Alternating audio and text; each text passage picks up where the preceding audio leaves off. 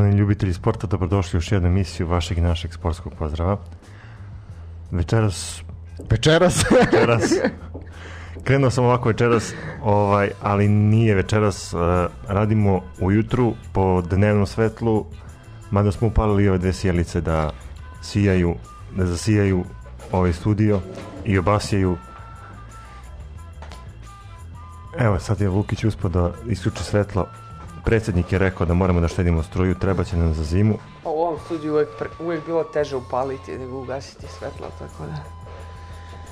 Ko zadnji izađe, nek ugasi svetlo. Da. Ti si sad ugasio. Da. da, da. Da, pa ne, nemam šta da kažem. E, Medijski mrak u Srbiji je ovaj Da. nastupio, da, Da. to je, da, ako već u mraku, onda nek bude u mraku u potpunosti. Da, 88. put, jubilarni, sad se može reći jubilarni, jel tako? Da. Da. Da, beskonačno. E, pa ja- malo sporije ovaj, funkcionišemo, izgleda. Ne, ni- nismo navikli- da, nismo navikli ujutru da snimamo, Ne, ne, ne, ne znamo šta da kažemo, ne, nisu, nemamo još neke sveže utiske od danas, tako da... Ovaj. Ali imamo od sinoć. Da, tako je, da. Htjelo bih, evo ja da... Jel da, mogu ja da preuzmem Može, samo budi glasniji, tu, tu čast, ovaj, da pohvalim Mikrofon je našeg vaš. druga i kolegu Stefana. Imali smo ovaj, tu čast da sinoć budemo ovaj, prisutni na jednoj manifestaciji izložbi njegovih fotografija i moram da istaknem da smo bili nemalo oduševljeni. Mi jesmo znali da je on čovjek talenat, ali ovaj, da, da je toliko dobar, stvarno nismo, nismo ovaj, mogli da naslutimo na osnovu nekoliko fotografija koje smo pre imali priliku da vidimo. Tako da ovaj, htio bih da ga pohvalim i ovaj, da kažem da, da, se, da se radujem ovaj, fotografijama koje će da uslede. Tako da, A i catering je bio dobar. a i catering je bio dobar, da. Da, kad smo kod... Da, da, ovaj mali snima ove stvari, tako ćemo da vam pokažemo i catering. Imate redku priliku da vidite čime se hrane ova gospoda. Tako da, ovaj... Da, ali... em, fotografije su stvarno bile izuzetne. Jesu, ovaj, a mislim naj, najveći fazon u svemu tome što je što je ovaj to sve bilo iznenađenje, jel što on nije očekivao ovaj da će se to desiti, nego je to bilo kako da kažem, ovaj surprise, jel, Da. kinder. Da, Da, to je I- bilo iznenađenje koje su meni priredili moji prijatelji iz uh, ekološkog udruženja. Zeleni sad ja im svojim putem ovako javno zahvaljujem. Uh, druga stvar, zahvaljujem se i vama dvojici i zahvaljujem se Nataši koja je imala snage da dođe sa, sa Markom posle... Morao je neko normalno. Nemoj da više da uzimaš u usta, ko Boga te molim, ajmo dalje. posle, posle onih reči koje sam ja ovaj rekao u prošloj emisiji. Da. Ali dobro, izvinio si se na Ajde. džentlmenski Da.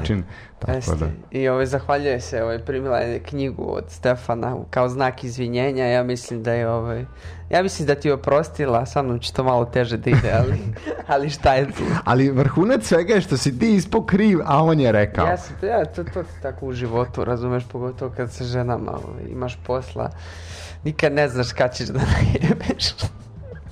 E, dobro, čekaj, sad ću da prekinem ovaj Instagram live, ovaj, to je to, samo da sad, pa ćemo sad nastaviti priču normalno, e, tako.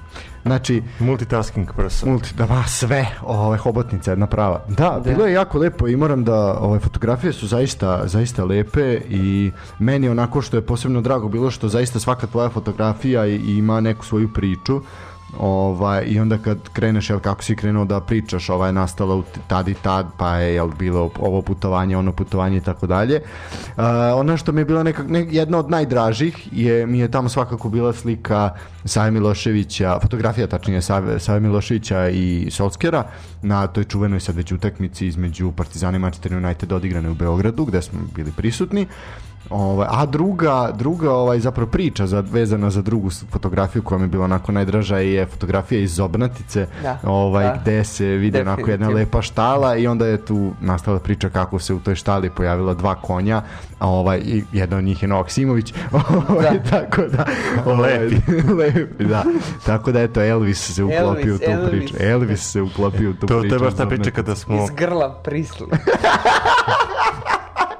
kada smo krenuli na utakmicu između TSC i Voždovca, obzirom da smo krenuli malo ranije, napravili smo pauzu u Zobnatici i onako iskoristili smo da obiđemo taj turistički e, sportski kompleks I na kraju se desilo jednom momentu da se pojavio Novak Simović sa, sa svojom čerkicom, koji je tražio da ga, da ga slikam. U tom momentu kada sam ja njega slikao, video sam da dolazi još jedan konj i onda sam shvatio, rekao, naslov fotografije, dva konja i devojčica.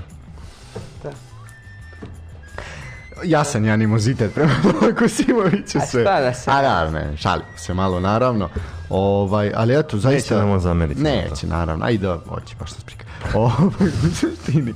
Sve u svemu, jako lep, lepo ovaj, događaj i zaista jako je lepo. I sama inicijativa je jako lepa i fotografije su bile prelepe. I ono što smo Marko i ja ovaj, prokomentarisali jedna je bila onako jedno drvo u magli onako baš kao da je scena iz Peaky Blindersa. Zaista, zaista su sve fotografije ono sad evo javno da te pohvalim ovaj, kao, kao sa razglednice. Znači bukvalno kao sa razglednice ovaj, osim možda ona Jasenovca to baš ne treba stavljati na razglednicu ali, ovaj, ali i ta je zaista, zaista lepa tako da Na svoj način. na svoj način. Da, imali smo i tu fotografiju sa protesta podrške, jel, Dašku, Dašku, da. to je isto zaista jedna... Razmišljao sam, znaš, kao kad, uh, kad sam slao te fotografije, uh, razmišljao sam da li da stavim jednu fotografiju gde je kamera uhvatila Daška, kao da li da stavim tu fotku ili da stavim ovu drugu, rekao stavit ću ovu drugu, neću Daška.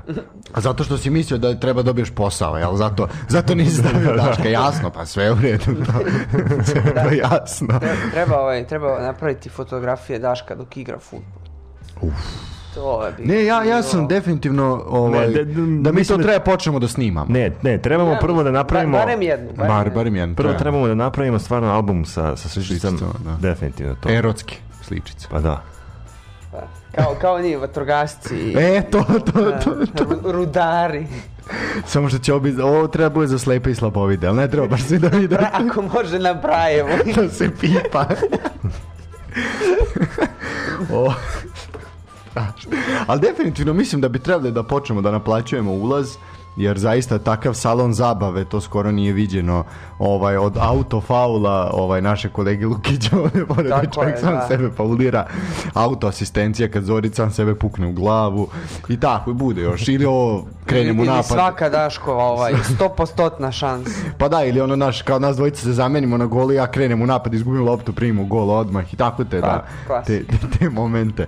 Ovaj, tako da je To su te bravure. Bravo. Pa samo zato je naš termin vidjeti. naj, najpopularniji u Ja gradu. kako sam pao prošli termin, ja mislim da je to, to, to u filmu... Kao da ga je Bata Živinović pokosio. znači, da... u fil, pa da, u partizanskim filmovima nema. Tako su se bacali. Bukvalno sam tako pao.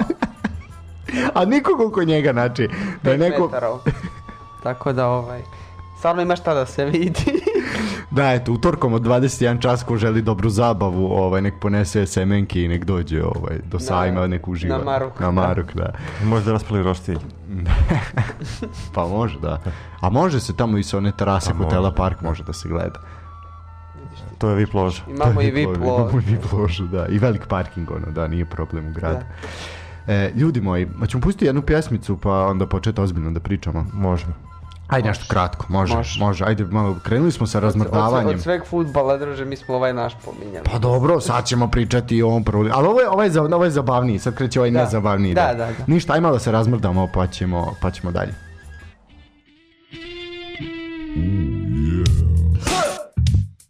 Yeah, BBG's version for life. Shining disco balls and all that shit. Yeah. Yeah. Katakulina. Top marihuana. Kada trenira, heroidi teretana, pa malo dizel, pomalo junkie, pa malo turbo. pomalo funky. Kada kulira, Pop marihuana, kada trenira, heroidi teretana, pa malo dizel, pomalo junkie, pa malo turbo. pomalo funky. Večeras ću u grad, moram da se sredim. Idem da se brijem i čibulje da cedim. Parfem ću da stavim da vidov cool water. Svakih pola čuke, posnifat ću kvoter Vitamini nisu, ali sigurno da šteti. Alu Zlajnić peti, Mikri Mouse leti. Po zimi ti hladno, uleti ti vruće Zauzet je WC, serem iza kuće. Christian Slata i Nicholson Jack Rade čisto kajete a ne prljavi krek.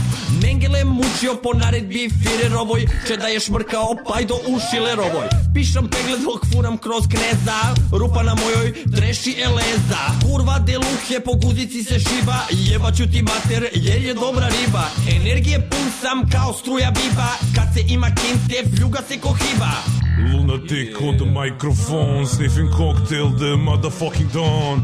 Tu je Duncan, ali nije šek Masiv Savić, Massimo Atek Spremio sam hemiju, jebaću si datu Sa pištoljem sedam u svoju nivu ladu Rolao sam ceo dan, baš sam bio vredan. Da, brate, startujem još jedan. Seljaci mrze ili se dive građanima. Ameris se sprdaju s kanadjanima 50 je trenirao, pleni svojom građom Čole više nije u ljubavi sa slađom. Ko se s Vukom družio? Mislim da je aska, al mi smrte noge, treba mi ga smaska.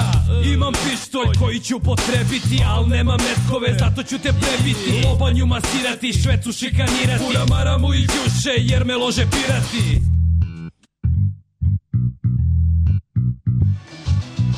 Kada kulira, Marihuana, kada trenira. Idi teretana Pa malo dizel, Pomalo junkie, pa malo turbo. Pomalo funky Kada kulira, Marihuana, kada trenira. Idi teretana Pa malo dizel, Pomalo junkie, pa malo turbo. Pomalo funky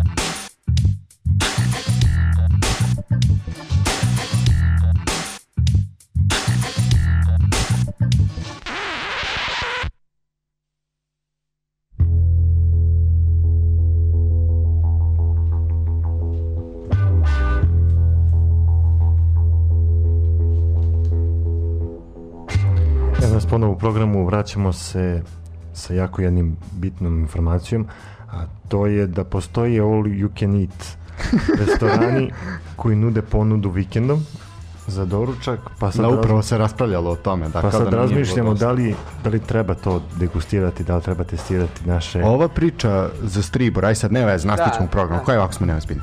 Ovaj, eh, 1200 dinara jeste, ali ono što, kvalitet onoga što ti se da zaista vredite novce. Mislim, ja znam da ja mogu da pojedem za 2000 dinara tako, takvih stvari i onda se meni to isplati. Mislim, Pekić, Daniel i ja smo išli i pojeli smo Znači vidi, šest puta sam išao za, za ponovo za švedski sto, od toga sam posle još dva puta sipo slatko. Pa da, kod toga je najbitnije da te nije sramota. pa da, pa jeste. Mislim, Ne, sad ja razmišljam kao za, ideš- 1000, za 1200 dinara ovaj, šta možeš dobiješ koju uslugu, svašta mi pada na pamet. Pa I to ništa. ispod stola isto nešto. To je dečko bolestan. Ja ne znam koji njemu đavo ove. Nije, mi, se mi njemu- smo... Bukvalno je došle ove dve devojke a zašto? ponedeljak, razumeš? I čovek od, od početka samo A zašto, znači možda sam mislio o tome da, Mast. da ti neko, Mast, da ti da. neko pere noge dok ti jedeš. razumeš? Zašto bi bilo ko pravo noge dok jede? Pa, Kakav je to Jel imaju lavore u stripu? Pa kao Kad svaki- uđeš na vrata, oni ti Kao daju svaki, lavor. kao svaki novinar, novinari su ranji, no, doneseš lavor, kad, kad se igra letnja liga, lepo noge u lavor, ti kucaš Dobro. tekst, pratiš utakmicu, ja sam za to mislio, rekao, možda neka masaža, Može, neki će- ma- manikir, pedikir, razumeš, nešto na taj fazon dok ti jedeš. Molim vas, ovaj, kozmetičarke, javite se. A to je bila fora za to, jel? I sad će opet sebe u A grobari, kad još mesec kod, dana. a kad smo kod švedskog stola, mi smo imali... Šta, brate, vidi, njemu nek se jave, ne meni. Vidiš smo- da čovjek hoće manikir i pedikir. Kad smo kod švedskog stola imali smo jutros onako prijatno iznenađenje. Jesmo, da. Osim što smo imali catering koji je Preživeo u- sinoć. koji je uzet sa švedskog stola, imali smo i bombonjeru koja je doneta direktno iz Švedske. da. Da. Poslo mali Toma iz Švedske. Sin Radašin. tako mali, da. Sad bi trebalo da ima nekih koliko, 15. Pa da, Koliko bi imao? I, i, 15 godina, tako. e, ako, ali pazi, ako igra futbal, onda već mora da se opredeli za koju reprezentaciju bi igrao. Pa to je to, to je to, već, već taj onako moment. E, momci, Ja mislim da Radašin ne bi dozvolio da on igra za, za bilo koga drugog osim za Srbiju. jah, ste strašni obojice. Ajmo da. dalje, Ne, ej, ajmo, ajmo, ajmo smo. se Ajmo. ozbiljiti malo, ovaj, a bože, palo mi nešto u oči. Ovaj, ništa, ovako, ajmo, on, mislim sad prošli, prošli ovaj ponedjeljak nismo, tačnije ovaj sad ponedjeljak nismo pričali o, o puno o sportu, zato smo se i sazvali ovo vanredno zasedanje, ovaj, zato što se desila, desilo su se dve onako havarije velike, Ovaj, i, ali nećemo početi od njih, njih ćemo ostaviti onako kad treba malo se zagrejemo da se ozbiljimo, a ozbiljit ćemo se sa žrebom za a, Ligu šampiona i Ligu konferencije, a, pošto zvanični detalji oko Lige Evrope još uvijek nisu izašli. A, naš jedini predstavnik u Ligi Evrope je Partizan, u kvalifikacijama za Ligu Evrope je Partizan i on čeka, a možemo početi onda sa njima, on čeka a, poraženog iz duela a, Dinamo Kijev Fenerbahče, odnosno a, AEK Larnaka i ovi Midtjylland. Da. E sad, uh, to će još uvijek biti naknadno određeno žrebom. Ono što se meni ne sviđa je taj duel uh, Dinamo Kijev, tačnije taj par Dinamo Kijev i Fenerbahče, jer poznavajući navijače Partizana tu može doći do ozbiljnih ozbiljnih problema i ozbiljne problematike.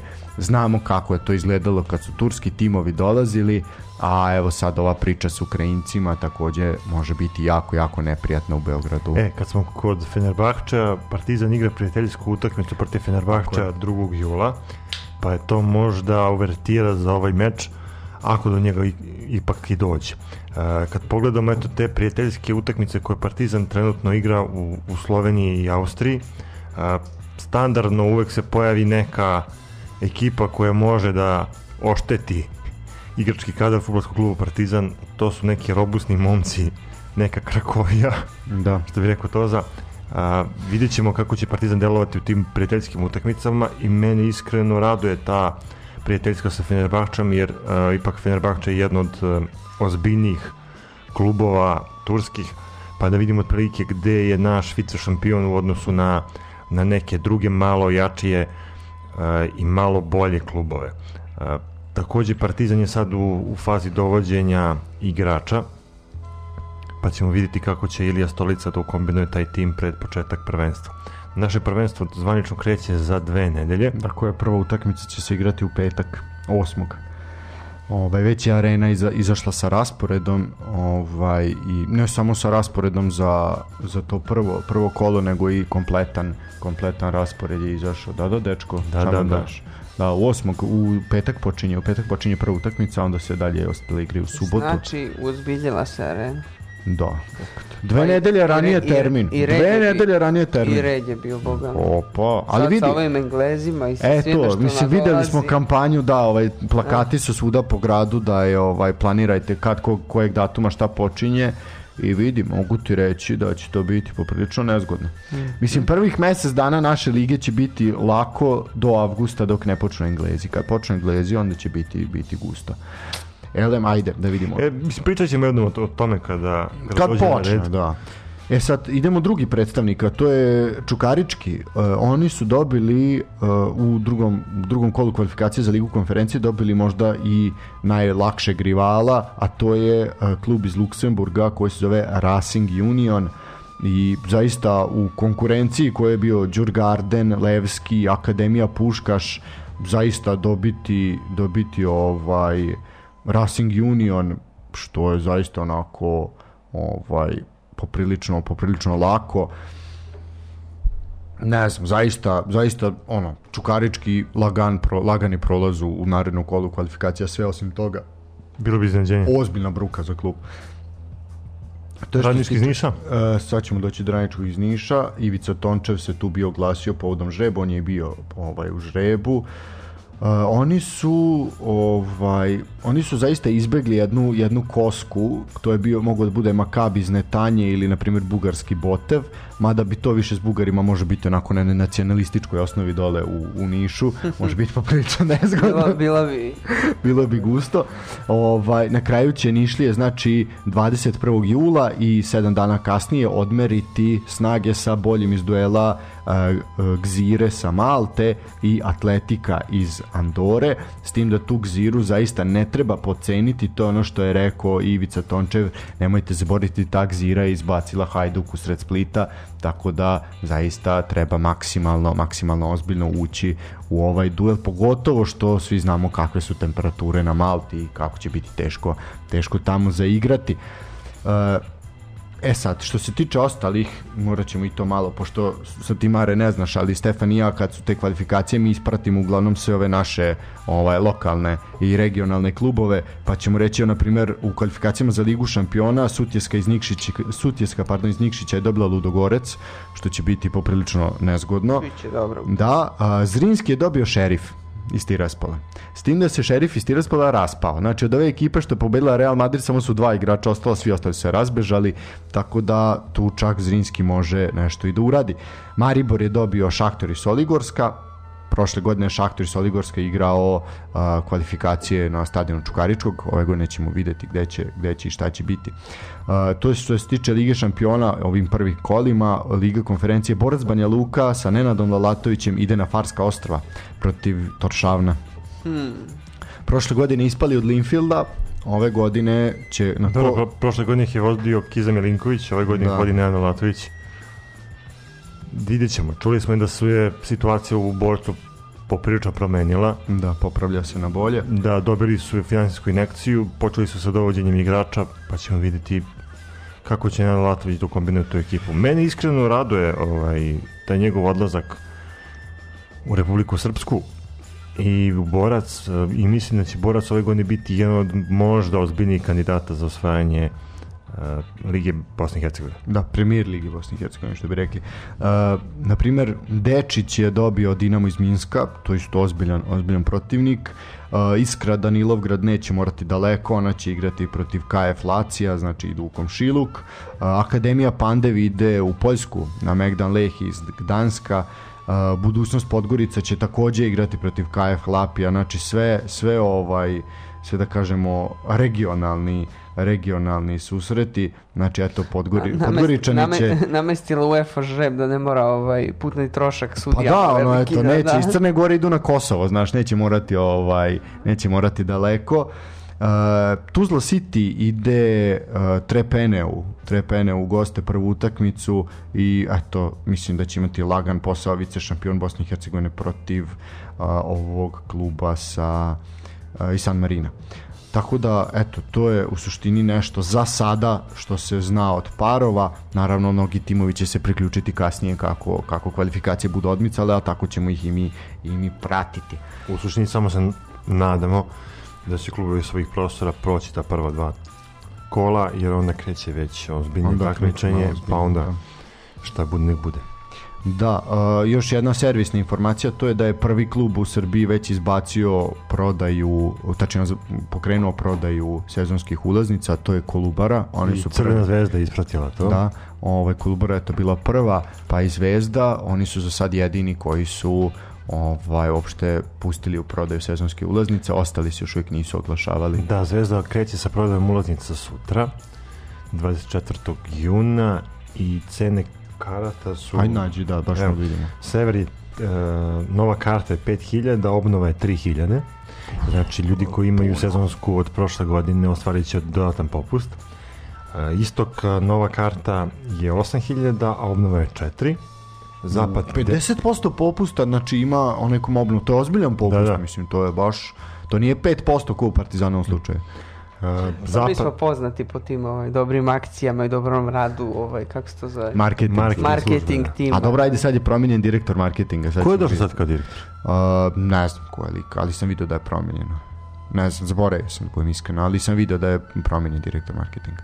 Elem, što se tiče, po, vidi, po meni je 8000 zaista puno, s obzirom da ti u te, u sezonsku ulaze kvalifikacije i naša liga i eventualni kup koji do finale... Pa sa, da sama sezonsku- karta za derbi imate verovatno u, u ovoj postavci, ja, ja vidim da ništa neće biti promenjeno i ove sezone. Zvezda će verovatno biti prva nakon regularnog dela i opet će u play-offu dobro, dočekati Partizan na, na, na svom stadionu. Imate dva derbija gde je karta za, za istok-zapad bila oko 1200 1500 dinara. Znam, ali di je, to, to, i to je opet, to je dve i po, di je osam. Pa, ostatak. ali opet kažem, znači, za, Koliko je za ljude 15 koji... utakmica? s- Ali puno je, bre, Lukić, nema zezati. I onda dođu zviznuti ko prošle sezone, pet utakmica sa besplatnom kartom. Dobro, to Meni je je, 8000 previše. to je nešto dobro. što, Da. što i Partizan i Crvena zvezda praktikuju da bi privukli što veći broj navijača. Evo, Vojvodina je ove godine napravila izuzetak, pa su napravili jako dobru akciju vezanu za a, sezonske karte, da ljudi koji dolaze na stadion mogu da do svoju sezonsku kartu uzmu uz obeležja kluba. Ne sezonsku, to je samo ulaznica za istok, nije sezonska. Znači, to je... Nisu da to ovaj, odradili. Ne, ne, ne, ne. Znači, to je rekao Zbiljić, znači... Znači, dolaziš na stadion svaki put sa, sa na klubu i dobi, dobiješ dobiješ kartu. besplatnu Aha. kartu za istok, ali samo za istok to važi. Da. To je ovaj, mislim to je okej akcija, ovaj to je sasvim sasvim ovaj okej. Ovo po meni je puno para, ali ajde Zvezda je posljednjih godina poznata po tome da su karte skuplje. E sad ajde sačekat ćemo da Partizan izbaci svoju ovaj Jel se svoju zna za ponudu. Kolubaru koliko su karte? Možemo naći, nije problem, sad ćemo naći. Ajde, dok ti nađeš to za klubor, ja da, da nastavim sa Zvezdom. Eto, Zapad je 9000 dinara je nova karta, obnova je 5000 dinara, VIP jedan od sektora na zapadu je 13.000, obnova 7 i ove ostale VIP karte ja ne bi već da, da spominjem jer su stvarno cifre koje prelaze e, jednu prosječnu platu. E, tako da ako hoćete da gledate Crvenu zvezdu sa tribina, ovo su neke cene koje bi onako uz uh, prošlogodišnju sezonsku ulaznicu bile poprilično prihvatljive. E, tako da eto, Crvena zvezda poziva svoje navijače da već krenu polako da kupuju sezonske ulaznice za ovu sezonu i da podrže tim, E, može, ajde, okej, reci. pa ne, da podrže tim u, u narednoj sezoni. E ovako, znači, karte se nalaze u prodaji i u prostorijama turističke organizacije Lazarevca e, i ovako, znači, svaki kupac sezonske karte dobit će originalni dres FK Kolubara s logom Super Lige za nastupajuću sezonu, cena karte iznosi 5000 dinara. Znači, ali, kažem opet, to je... To je- Prvo, po meni to je jako dobar marketiški potez. dres, da. Bi trebalo da košta negde oko 3 do 4 hiljade dinara i vi dobijete tu sezonsku kartu za 1000 1000 dinara. Uh, to je poprilično super uh, što je odradila marketing služba Oh, izvini, kluba. izvinjam se, vidi, nisam dobro pročitao. Znači, cena sezonske karte iznosi 5000 dinara, a cena karte uz originalni dres iznosi 8000 dinara. Aha, A čak i to je okej. Vidi, čak i to je pa okej. dobro jeste. Jeste, zato što oni imaju te dve tribine koje su centralne tribine, da se tako izrazim, znači da. koje, koje gledaju ovaj, sa boka, odnosno Da. bukom direktno gledaju na, na, na teren. Znači, nema popusta Nema- prilikom nema popusta, obnove, da. da. Pa dobro, okej. Dobro, ne znam sad da su prošle godine izdavali sezonske karte. Jesu, ovo što sam bio prvo pročitao je, je vest od prošle godine, ja se izvinjavam, nisam, nisam u to dobro otvorio. Znači, uh, jeste, izdavane su, isto zato ljudi pitaju, znači dosta pitanja ima da li se obnavlja, ovaj, ne obnavlja, tačnije ne možeš obnoviti, obnoviti jer nema popusta. Ali su, znači, prošle godine uz 5000 dobiješ i dres. Što je vidi? Sasvim korektno, mislim. Da. Apsolutno. Dobro, mislim da računaju da će ovaj da će više ljudi hteti da, da dolaze ovaj, Ove godine ove sigurno, godine i da. onda da su da pokušavaju to da iskoriste. Vidi, ja bi prvi kupio cenom. zbog uh, Vukušića, bi prvi kupio kartu. Znači, lagano. Pa vidi, dovedeš još dva pojačanja malo ono, zvučnija i mislim za uslove Kolubare naravno i što da ne, ti si top privući ćeš. Pritom, znaš, nije to sad kapacitet 20.000 ljudi pa da sad ti neš prodati. Znaš, njima je stadion što si ti manje više puta, koliko puta si rekao, bio svaki put skoro pun. Da, da, poprilično pun. Pa da, to je kapacitet Znači, čak koji... i kada dođu, dojde do nas Zvezda Partizan, to, to ne računam, to, to je uvek manje više puno, ali kad igraju protiv klubova koji su u njihovom rangu, stadion je poprilično pun. Da, tako da, ajde ono, to je po meni, po meni sasvim okej. Sad ajde, sačekat ćemo i druge ove klubove, pa ćemo vidjeti kako će Da, biti. biće zanimljivo ovaj čuti za, za mladost GAT. Nama pogotovo. Da, da. Pa evo, m, informacija, mladost je krenula u potragu za novim igračima, morat će da se iskon, iskontroliše ceo taj roster tima, a, pojedini igrači su raskinuli ugovor, a, jednostavno nisu videli da mogu da dobiju šansu ove sezone, tako da mlado sad traži nova pojačanja, a, igraće svoje utakmice na Karadžurđu, Dobro, E sad što se tiče tih sezonskih ulaznica mladost mislim da nema a, tih problema. Odnosno sezonske ulaznice se neće a, izdavati već će se prodavati pojedinačne karte. Tako bar za sad stoje neke tvrdne Pa dobro da, nisu ni prethodnih godina svi klubovi imali sezonske karte, bilo je, znači bilo je možda tipa 6-7 klubova koji su imali sezonske Dobro, karte. mladost, ovaj, ove, to jest prošle sezone nije imala ovaj Jasno, problem jasno, sa, da. sa posjećenošću. Barem ja mislim da nije, jel da? Pa bilo Nisu, stadion je bio, znači od momenta kada su se vratili iz Čelareva, stadion je uvijek bio pun. Pa čak Pa i u da. Čelarevu su imali solidnu, solidnu. Da, bila Da, je da, stvarno podrška. brojka, ali opet, kažem, e, jedno je kada ljudi putuju u neko drugo mesto da bi gledali svoj Naravno. futbolski klub, a jedno je kada čekate na svom stadionu. E, dobro, znači malo smo prokomentarisali žreb, malo ovo, uh, ajmo se malo okrenuti vestima ovaj, iz naših superligaških klubova, pa ćemo onako prostrujati kroz sve to šta se dešava. U suštini idemo odmah onako negde hronološkim redom, a to je ono što je Vojvodina obelodanila, a to je onako jedan veliki peh za možda i najtalentovanijeg ovaj, igrača Vojvodina kog se zaista prošle sezone mnogo očekivalo, koji je onako bljesnuo, ali na kraju nije, nije ovaj nije uspeo da opravda, opravda to, ta očekivanja, a to je Uroš Kabić, znači Vojvodina vjela da Uroš Kabić boluje od mononukleoze i da će preskočiti ali ovo evropsko prvenstvo za omladince koje ćemo nešto kasnije prokomentarisati. Uh, Vojvodina se pojačala, tu je stigao je taj Bareo, stigao je Uroš i Nemanja Nikolić, uh, Lazar Carević takođe, taj golman Ba- Barcelone B je stigao, ove, međutim, ovaj, eto, imaju uh, problema sa Kabićem, čovjek koji je diagnostifikovana uh, mononukleoza, eto, što bi rekli, bolje, bolest poljubca i Kabić će preskočiti i prvenstvo Evrope, a i siguran početak Superligi. Pa to su sve bolest poljubca. Evo, A, kad, da. smo, kad smo kod Ko, ko, Carevića, ko zna gde si ljubio? kad smo kod Carevića i Vojvodine, pričalo se o tome ovih prethodnih par dana. Ja sam čitao njegov intervju vezan za, za taj boravak u, u Barceloni i pa onako, šta da kažem, u nekim momentima mogu da se sosjećam sa, sa njegovom situacijom, ali opet gledam pet godina da provedete, a da ne debitujete za, za prvi tim, nekako mi je bar malo čudno. A, opet, dobro, to- nadamo se da će on kao golman svoje minute dobiti u Vojvodini. Pa dobro, branio je za Barcelonu B. Mislim što je opet, 25 puta je branio za Barcelonu B i to je sasvim dovoljno. Mislim, ipak je to, znaš to su preveliki preveliki ovaj fudbalski sistemi kao i poput Manchester City-a. Pa eto, Filip Stevanović nije ni video Manchester City-a, koji i, i on je jedan od mnogih, i Tedić i tako dalje. I ko, Jeste vidjeli slike Filipa Stevanovića? Vidio, sve na šta liči, da, da, da, da. Ovaj, Zavela ga svetlo velikog grada. E, da, da, i ostao još i bez kluba pritom. Ovaj, raskinuli su ugovor sa njim. Ko, ovo iz Herenevena? Mm, tako da, eto, bi poprilično veselo.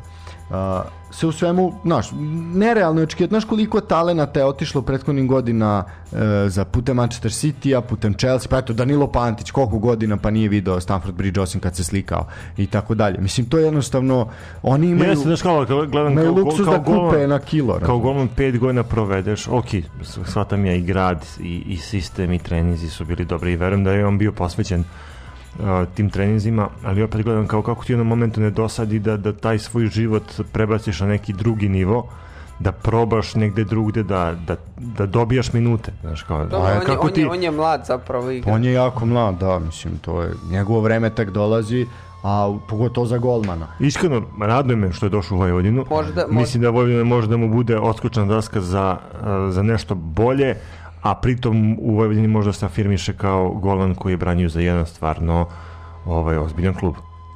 Možda je na to si gledao sad nahvalio, kao, da, da, ovaj. kao mlad sam igrač. Pošto da ne, Igram, daj da... Ne igram u Barceloni, ali opet radim sa njihovim trenerima. Ma, naravno, i to je Čekam jako svoju bitno. šansu, pa šta sad, pet godina, pet godina. Ali i ono što je... Pa to je kao da studiraš pet godina, na kraju kažeš sebi, e, kao, pa možda bi trebao praviti fakultet. Pa nije on Pa nije on promenio, fakultet, fakultet, nije to to, Ne, razumeš? ali ti, ti je taj, taj princip sličan. Ne, nego to ti je, nije, Ja nije, nije ti dobar tako. primjer. Ne, jeste. To ti je, nije, Jeste. nije, slušaj, Dobro. to ti je kao kada studiraš na Harvardu i onda dođeš, e, sad ću, da, sad ću da radim u državnoj upravi u Srbiji. Razumeš, to je to. Znači, on, njegov potencijal je veći od onoga što, od okoline u kojoj je ipak došao. tih pet godina radio sa ljudima sa Harvarda. Tako je, recimo, da. Znači, to, to je, to je, da kažem, pravo Opet vid, poređenje. vidjet ćemo, vreme će pokazati Naravno. Nije isto njegov, sa, njegove golmanske kvalitete. sa deset trenera iz Barceloninog trening centra i doći u, mislim, Bez u čast svo ljudima, poštovanje, čast naravno. ljudima da. iz Vojvodine i doći u Srbiju raditi sa trenerima iz Srbije. I batađorne škole. Pa, sad, Pa, koja škola, nebitno, ali opet sigurno da nije isto. Tako je. S tim da je tako dogovoreno, koliko sam shvatio, da će Barcelona imati pravo preče kupovine, znači otkupa ponovo ugovora u slučaju da, su, da se zainteresuju za Careviću, što ja mislim da je sasvim, sasvim pošteno. E sad, ono što mene više zabrinjava, a to je vest da Banjac, Mihajlo Banjac nije prošao fizičke pripreme, odnosno nije zadovoljio fizičke kriterijume u Slaviji iz, Iz Praga, Praga. da, zato što, ovaj, a jednostavno je bilo i primetno i čak smo i mi primetili da je čovjek u padu forme i da onako i fizički zaostaje, talenat je tu prisutan, ali jednostavno fizički i kondiciono nije mogao da ovaj, jednostavno intenzitet trčanja je bio, bio preslab, to se, to se jasno videlo čak i nama koji nismo, nismo stručnjaci za takve Aj, stvari. aj sad evo ovo bih da, da prokomentarišemo na, na jedan drugačiji način.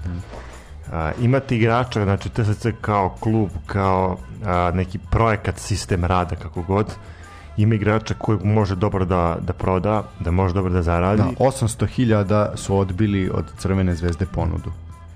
i vi pošaljete igrača koji ne prođe fizičke pripreme. Nije onda nije prošao pripremu, on nije samo zadovoljio dobro, Da, kriterijume. na to, to sam mislio.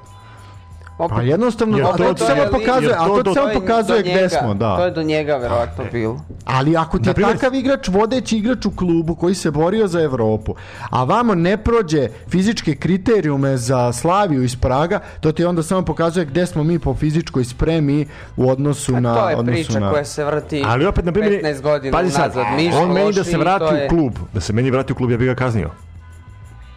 Pa, Ja bih ga ozbiljno kaznio. ni- ima i toga, da. Pa što ga nisu kaznili kad je bančio po splavovima, to ga niko nije Aha, kaznio. Nego je toga. bio u prvoj postavi. Što ga nije Žarko Lazić kaznio. Znači, ali zato što je to, naš, Možda, možda se zabavlja s njegovom čerkom ili tako Pa, nešto. ne Imali smo te situacije. ovaj, sve u svemu, prošlosti. sve u svemu, problem je, to samo Ja, pokazuje ja bi iskreno, sad, sad, mi. sada sam ja predsjednik kluba, ja bi njega ozbiljno kaznio. Ali- Jer razumeš, znači zbog, zbog tvog propusta ja sam izgubio jedan veliki profit. Ali oni će njega uvaljati u neku On, Tursku, ne- razumeš, nema veze to, ali ti, ali ti kažem, znači to, ja bi to tako reagovao. Nije ovde... Znaš, jer bi probao da ga, da ga stimulišem na taj način da počne da radi na sebi. Njih ne zanima da li će on raditi na sebi. Oni će Ne, mislim- prodati pa će prodati. Dobro, ali mislim konkretno da u ovom slučaju i, i zanima kako, kako Ja radi. mislim kad Ne se shvataš podvuče to, tu sve, ja mislim da tu na najvećem gubitku on lično. On je lično, on će, oti, on će ostvariti transfer, on će uzeti pare, ne radi se o tome. Klub će zaraditi na njemu, klub baš briga, hoće on igrati u Češkoj ili u Turskoj. Ali ovo je po, samo pokazatelj gde se naša liga nalazi u odnosu na ozbiljnije evropske lige. Jer tebi ispada da se i, e, futbal jačeg intenziteta igra u Češkoj nego kod nas, što nije mnogo teško ni za ovako otkriti laičkim okom. To je ono što je problem. Zato se naši klubovi pate protiv stranih klubova, ako izuzmemo zvezdu, ovaj, svi ostali imaju problem u fizičkoj, ko- u fizičkoj spremi. Partizan možda igra 30 minuta u vrh glave i onda ga nema. Pa Onda se početka prošle sezone. Pa to ti je ta To priča. je bilo disanje na škrge od da. 60. minuta u kvalifikacija. U kvalifikacijama, a u grupnoj frazi protiv Genta nisu ni pokušali, nisu ni mogli, mogli su Da. 15 minuta. Da.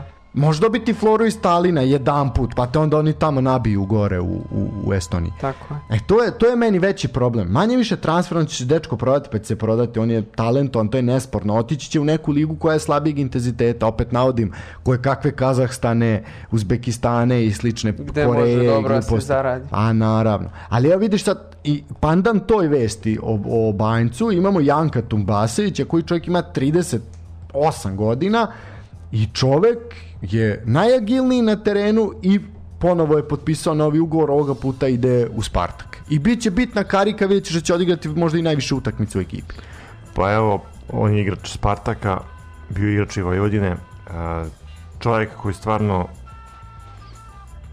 je ostavio dubog trag u, u našoj Superligi i mislim da je možda i vreme da, da ako završava karijeru da završi u Spartaku.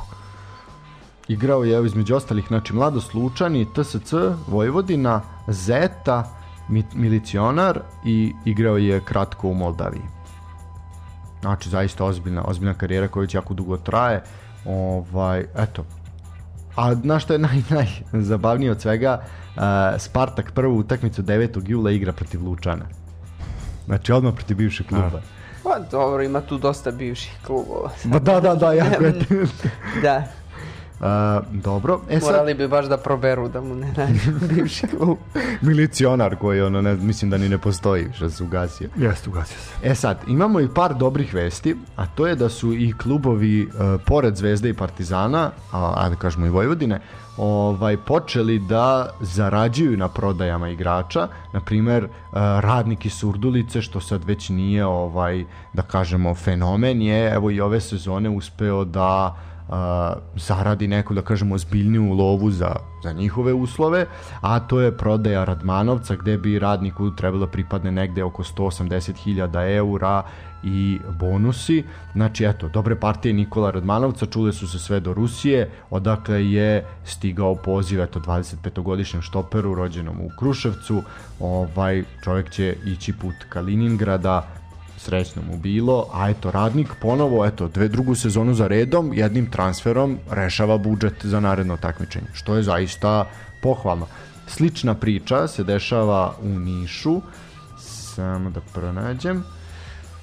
E, da, da, da, da, da, da, da, Niš je doveo uh, francuskog defazivca, vidjet ćemo uh, kako momak rođen 2000. godine igra na poziciji štopera, prošao je sve mlađe kategorije francuskog avra, ovaj momak se zove Maka Gaku ovaj što je onako poprilično zanimljivo.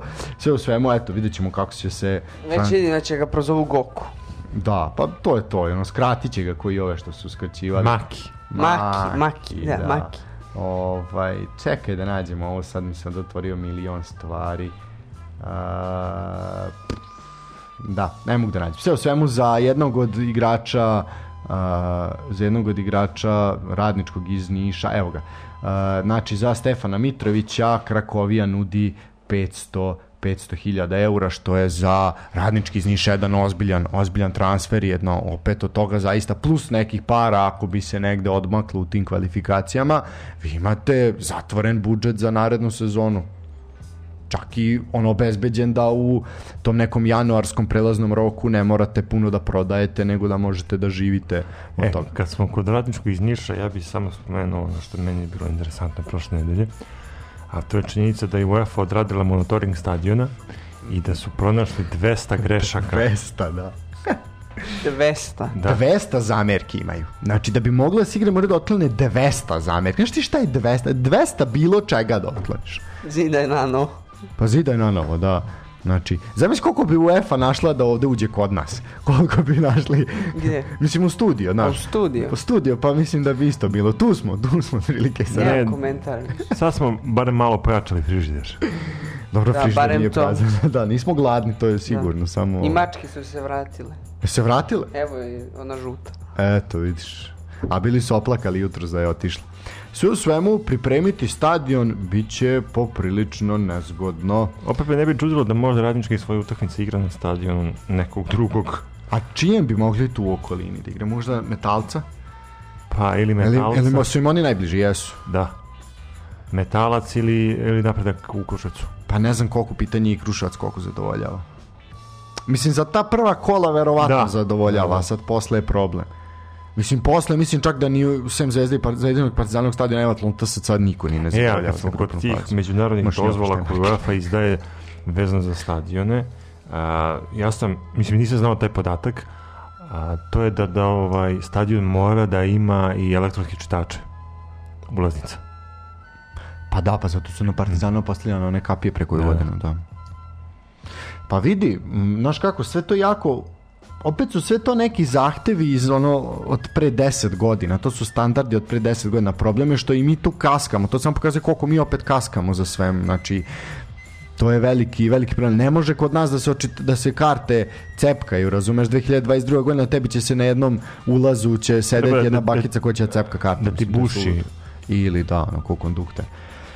Ne znam, zaista je to onako poprilično, poprilično problematično, ali eto, ajde. Mislim, viš kako, ja bi napravio taj elektronski sistem, ali bi opet ostavio taj ono da se cepkaju karte, to mi je čak i okej, znaš, ono, jer ovdje imaš... Ali onda gubiš poentu cepkanja ako imaš ovo. Pa da, ali opet, znaš kao, a, sa svakom kartom koja ti prođe elektronski ti imaš uvid i ti platiš porez, ovako možeš nešto da ućeriš. Pa to oni hoće, to, je problem što oni to i hoće i rade. E, dobro. E, Novo Pazarci ponovo kažnjeni do sredine oktobra bez publike na stadionu Novog Pazara zbog incidenta u baraž meču protiv IMT-a. Znači, tribine će biti prazne protiv Čukaričkog, protiv Partizana, Napretka, Spartaka, Crvene zvezde i Mladosti iz Lučana. Znači, prvu priliku da gledaju svoj tim Pazarci će imati 15. oktobra protiv E, meni je to prestroga kazna Prestroga. i mislim da to sad se. već ide na štetu futbala u Srbiji, a ne samo na štetu Novog pazara. Da, da, zaista prejaka kazna, ali što je najcrnije nisu se Pazarci puno ni bunili. Šta će se bude, znaj da je Mislim, možda čak i, jasno, i da. malo politički tu odrađeno, ali opet A, što se tiče Novog pazara, možemo eto jednu kratku vesti za njih, da je Lazar Slavković potpisao ugovor sa Novim pazarom dve godine, znači eto dete Partizana ode put, put Novog pazara. Uh, šta još imamo? Imamo tu još, da, Novi Pazar, ajde kad smo kod Novog Pazara, ostaćemo još kratko. Uh, pojačanje u napadu za tim koji će ove sezone predvoditi Vladimir Gaćinović. Uh, Novi Pazar je doveo igrača Slovana iz Bratislave, u pitanju je slovenački napadač Žan Medvedev koji će ovaj došao je na pozajmicu Medved. Medved pardon rođen je ovaj 1990. godine može da igra na poziciji ofanzivnog veznog, ali i klasičnog napadača. Prošlu sezonu je proveo u Celju, gde je na 21 utakmicu dao 4 gola i imao jednu asistenciju. Tako da eto, zanimljivo, zanimljivo pojačanje u svakom slučaju. A, kad smo kod slovenačke kolonije u Srbiji, još jedan slovenac je stigao u Srbiju, ovaj nešto put severnije u Kruševac, gde je pojačao ekipu Dušana Đorđevića, Klemen Bolha, novi je futbaler napretka, momak koji ima 29 godina, igrao je ovaj za rudar iz Velenja tako da eto ozbiljni internacionalci mislim da kažem broj internacionalaca se povećava povećava u Srbiji što samo znači da eto i kvalitet i kvalitet raste samim tim znači ono Pa da ili li su na kvalitet- prevaru došli Da li ili kvalitet raste ili, ili je u pitanju manja kvaliteta od strane naših igrača? a ne u smislu kvalitet raste da smo e, interesantni drugima da dođu razumeš Pa interesantni smo kome? Slovacima i... Slovencima Da, Slovenac i... Pa dobro, ovaj, ovaj Medved, on je Slovak. nije i on je Ja, on je Slovenac Slovenac, je došli Slovenac Bratislava. samo Aha. nije igrač Slovanac Bratislava je Slo, Slovenac Pa. Vole Slovenci da dođu. Ako da, ništa, da. barem u Beograd. Pa da, ovaj, ukusni ćevapi lepe žene, da, Tako to je. Do... Samo da, samo da ovi futbaleri što dođu da im ne budu zanimljiviji ćevapi i žene nego, Pa nego lopta. najcrnije, obično to tako Ali i bude, vidjet ćemo da. da. li će tako biti. Uh, što se tiče Crvene zvezde, ovaj, imaju zaista jedne, ovaj, jednu ružnu vest, a to je da je Radovan Pankov pokidao ligamente ovaj, kolena i koliko će biti koliko će biti ovaj odsutan to ćemo to ćemo videti zaista veliki veliki problem Pa mislim da se zvezdaši ovaj, nisu toliko ovaj, rastužili ovom vešću. pa vidi standardni standardni prvotimac Pa jeste, ali ono, iz, iz priče i iz priče sa navijačima zvezde i kroz čitanje komentara ne hvale ga nešto puno. Ja mislim da je on diskretni heroj, ali ajde. Ovaj, Svakako da je šteta što se čovjek povredi. Naravno i biće, biće pitanje kad će biti u, u, ovaj, u pogonu, znači verovatno bez njega u evropskim kvalifikacijama, a i na početku Pa možda dovedu novog štopera. Pa, mislim, to nije, svakako nije, nije problem. A, dobro, e sad što se tiče uh, još jedne vesti transfera, to je najzvučnije nekako, to je da je Gajić pronašao klub, uh, otišao u CSKA iz Moskve i eto nešto je jedan put Rusija ponovo privlačna našim futbalerima malo više nego, nego prethodnih godina. Milan Gajić za ozbiljan ugovor da bi negde oko 3,5 miliona trebao da dobije za, za vreme trajanja ugovora Uh, otišao je u CSKA iz Moskve, zaista jako, jako zanimljiv, zanimljiv Jak transfer. transfer. da. Uh, još meni, neki... meni u vezi ovog transfera ništa nije jasno, ali... Zašto? Pa jedi, jedino to plaćanje mi je jasno, zato što mislim da Rusi sad moraju ovaj, da pojačaju plaćanje kako bi ovaj, A š- privukli internacionalce, ali Šta? Gajić u CSKA iz Moskve ne vidim, ne vidim kako. Pa Gajić bio najbolji bek u Zvezdi. Nešto ja njega ne cenim pretjerano. Zašto? Pa nije, nije, nije mi, nema mi tu neku probojnost, nema mi... Pa, Centar šut mu nije ništa, neš, nije posebno, tako da ne, ne vidim zbog čega, zbog čega jedan CSKA iz Moskve ovaj, treba Gajić. Dobro, ok, pošteno, vidjet ćemo. Sve u svemu, ovaj, Uh, sad tu Zvezda ostaje malo problemu Gobeljić će biti prvi bek. E to, se- e, to je problem. to je problem. Kakva povreda ovog Pankova odlaza Gajića? Problem je Gobeljić na beku i u startnoj postavi. To je problem definitivno. Vidjet Ja, ćemo ja, ja, ja, ja bih samo o njemu brinuo. Bukvalno.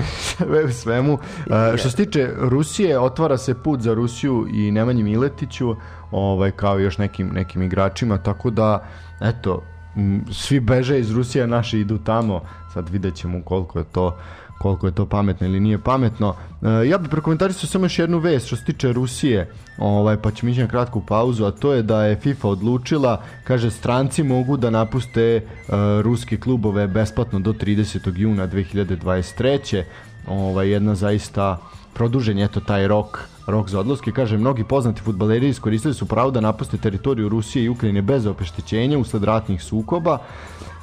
Eto, na to je pogodnosti moći da računaju igrači koji su dalje vezanim ugovorima za klubove spomenutih zemalja.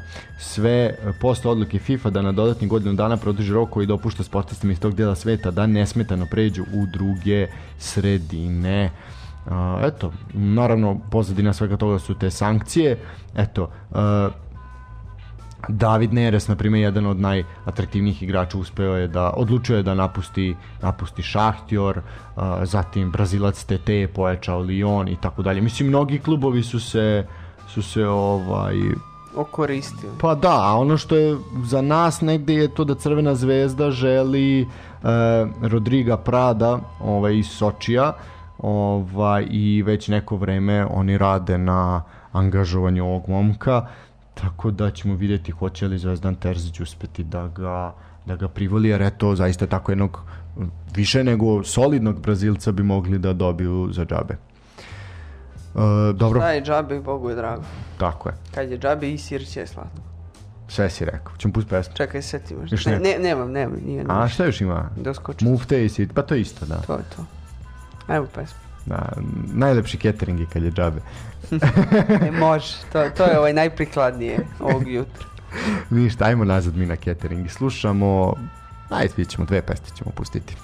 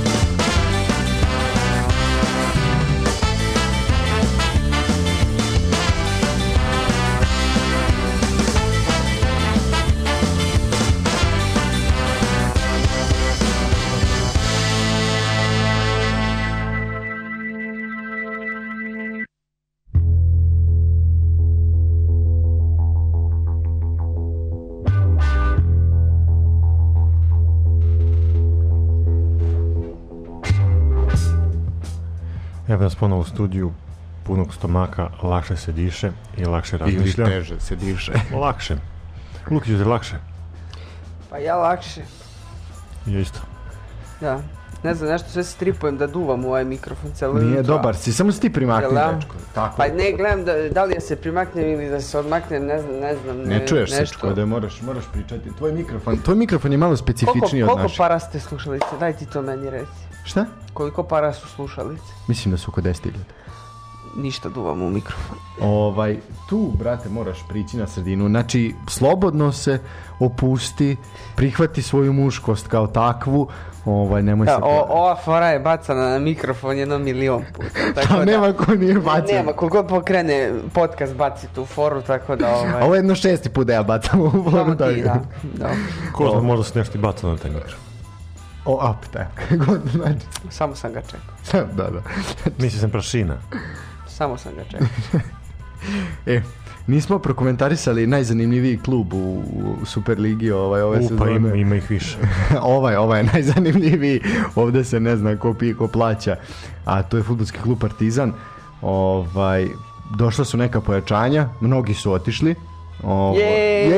je, ovaj, a neki bi mogli da dođu. Treba da ubacim neku reakciju, nešto. Tutun, tutun, E, To do- NBA ono, tararam, tam. tam, E, tam. da, da. Ovaj, ajmo prvo ko je došao, pošto je to lakše. Došao je Zlatan Šehović, Je, je ovaj, za 350.000. pa, mora nekad i ovi naše se isprse za nešto. A, Došao je Ali Fi- već vidim da će ovaj, da, da će ovaj, da se UEFA bavi, ovaj- bavi ovim transferom, tako da. Da. O, dobro. Aleksandar Filipović.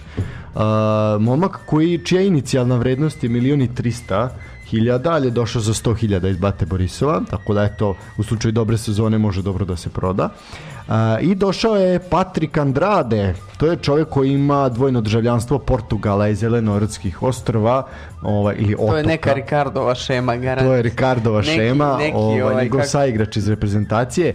Čovjek koji je Brat bio u idealnoj Da. sastavu, u idealnom sastavu sezone u Ligi konferencija. Znači, cele, u idealnom sastavu cele sezone se čovjek našao u Ligi konferencija. Opa, Ozbiljan igrač, ozbiljan igrač. I Čudi vidim me da kako su- došao Partizan. a, zato što mu istekao ugovor sa Karabahom, a eto, želeo je da napusti Azerbejdžan. u Karabahu. Igra u Karabahu, da, u, ka- e, kao član Karabaha i došao do te idealne postave. Ovaj, došao je kao slobodan igrač. Negde njegova procenjena vrednost je oko 750.000 po transfer Koliko godina ima? A, 29. Pa dobro, nije, da. mislim, To je to. je sasvim okej. Napon snage. A, što se tiče ovog Filipovića, dečko može da igra na oba štopera i na beku. Dobro, njega znamo iz mlađe reprezentacije. Tako je. I mislim da je to dobra priča, može da se zatvori ta desna, ta desna strana. Ovde ste Šehovića dobili na levo, što je isto poprilično zanimljivo. Pa mislim da mu je karijera u padu poslednje vreme, ali Partizan se više puta pokazao kao prava sredina ili ne Da. za oživljavanje karijere. Nadamo se da će u slučaju ovaj Filipovića Znaš to kako ja se biti uvijek sećam pogodak. tog transfer Ja mislim perioda da kad je biti. Partizan do, doveo Valerija Božinova da mu oživi karijeru. On je oživeo on je samo on je samo oživeo karijeru na, Na splavovima. slavovima, da. Kako smo sva trojica rekli istovremeno u Da. glas, da, da, da. ovaj. A nedostaje, nedostaje Valerij Bužinov. A ne, ima je on, ha- ima je harizmu, razumeš? Ne. Ne, Da, da, da, nije, da. mislim, to svakako. Mislim, I mislim da je bio... nadavo se oni golova, mislim, Bio u je tim, solidan. u tim manjim Mene je, na utakmicama. primjer, mnogo više pogodilo to što se raste od ove pevačice, koja je stvarno atraktivna, nego što je na... Ne znam kako je mislim. Ne znam ja. Ne znate? Aj, oj. Moramo naći devojku, gotovo. Ne vredi, ja mislim da neka ova kozmetičarka treba da se javi definitivno, ja ne mogu misliti. Strašno, za, zagorelo Ili, ili neka barem što ima lavor ladne vode, ako, ako, ako Što priziva lavor i pranje ej, nogu, da. Ako ne noge da potopi, barem neka polije njime, pazi, ne konstrakta, Samo da ga konstrakta pere ruke, meni treba neko pere noge. da. Šta kažeš? Kažem, konstrakta pere ruke, ja pere noge. Domaćin. Domaćina. Roze peškir oko vrata i to je to. I sileđika, I da. sileđika majica. To je sad u trendu sad, idu te vrućine. Jao. Mada kad smo kod vrućine, Zgoreće ti ramena, jebi ga mada kad smo kod vrućine, eto, danas je malo A zašto je još veći vreme. gušt? Kad ovaj, uzmeš crevo, pustiš hladnu vodu i staviš noge na beton. I onda to, to, ja. to, to je, A, u i Kaka- Bogu si ej, teška, e. Kakva sirotinja, to je život, brate. Kakav lavor, kakav. Ljudi kad- odu na Maldive pa viču to je život, daj mi crevo i ladan beton I da ladan beton. Ne mora da bude ladan, oladi ga voda Pa ne. posle. Da, da, da cvrči onako, da, aj joj. Vidiš, ovo ne bi bilo loše da se ubaci u turističku ponudu grada Beograda, pa može i Novog Sada. Pa tu sad ti imaš- behatončina ova. Pa da, ti imaš taj beton koji treba, betona, ima betona koji treba da se iskoristi. da. e, a sad da vidimo, lista onih, a sad ovako, da hoćemo ustati dok budemo čitali listu onih koji su napustili Ne klub. moram da ustajem, Ne moram. možemo da aplaudiramo. Da, znači ovako, e, Lazar Slavković, rekli smo, otišao je e, u Novi Pazar, to je sasvim okej. Pa kaže, Miloš Jojić, 30 godina, ostao bez kluba. Je! Aleksandar Milko, Miljković, 32 godine, bez kluba. Je! Rajko Brežančić, 32 godine, bez kluba. Je! Ma dobro, za njega mi je malo i žao. Alalvera, da. Rajku, može u penziju. E, Lazar Marković, 28 godina, vrednost 2,5 miliona, ne znam čega samo, ali ovaj, ne bi... Bitcoina. Pa ne bi ni ju, onih jena japanskih 2 miliona, ne.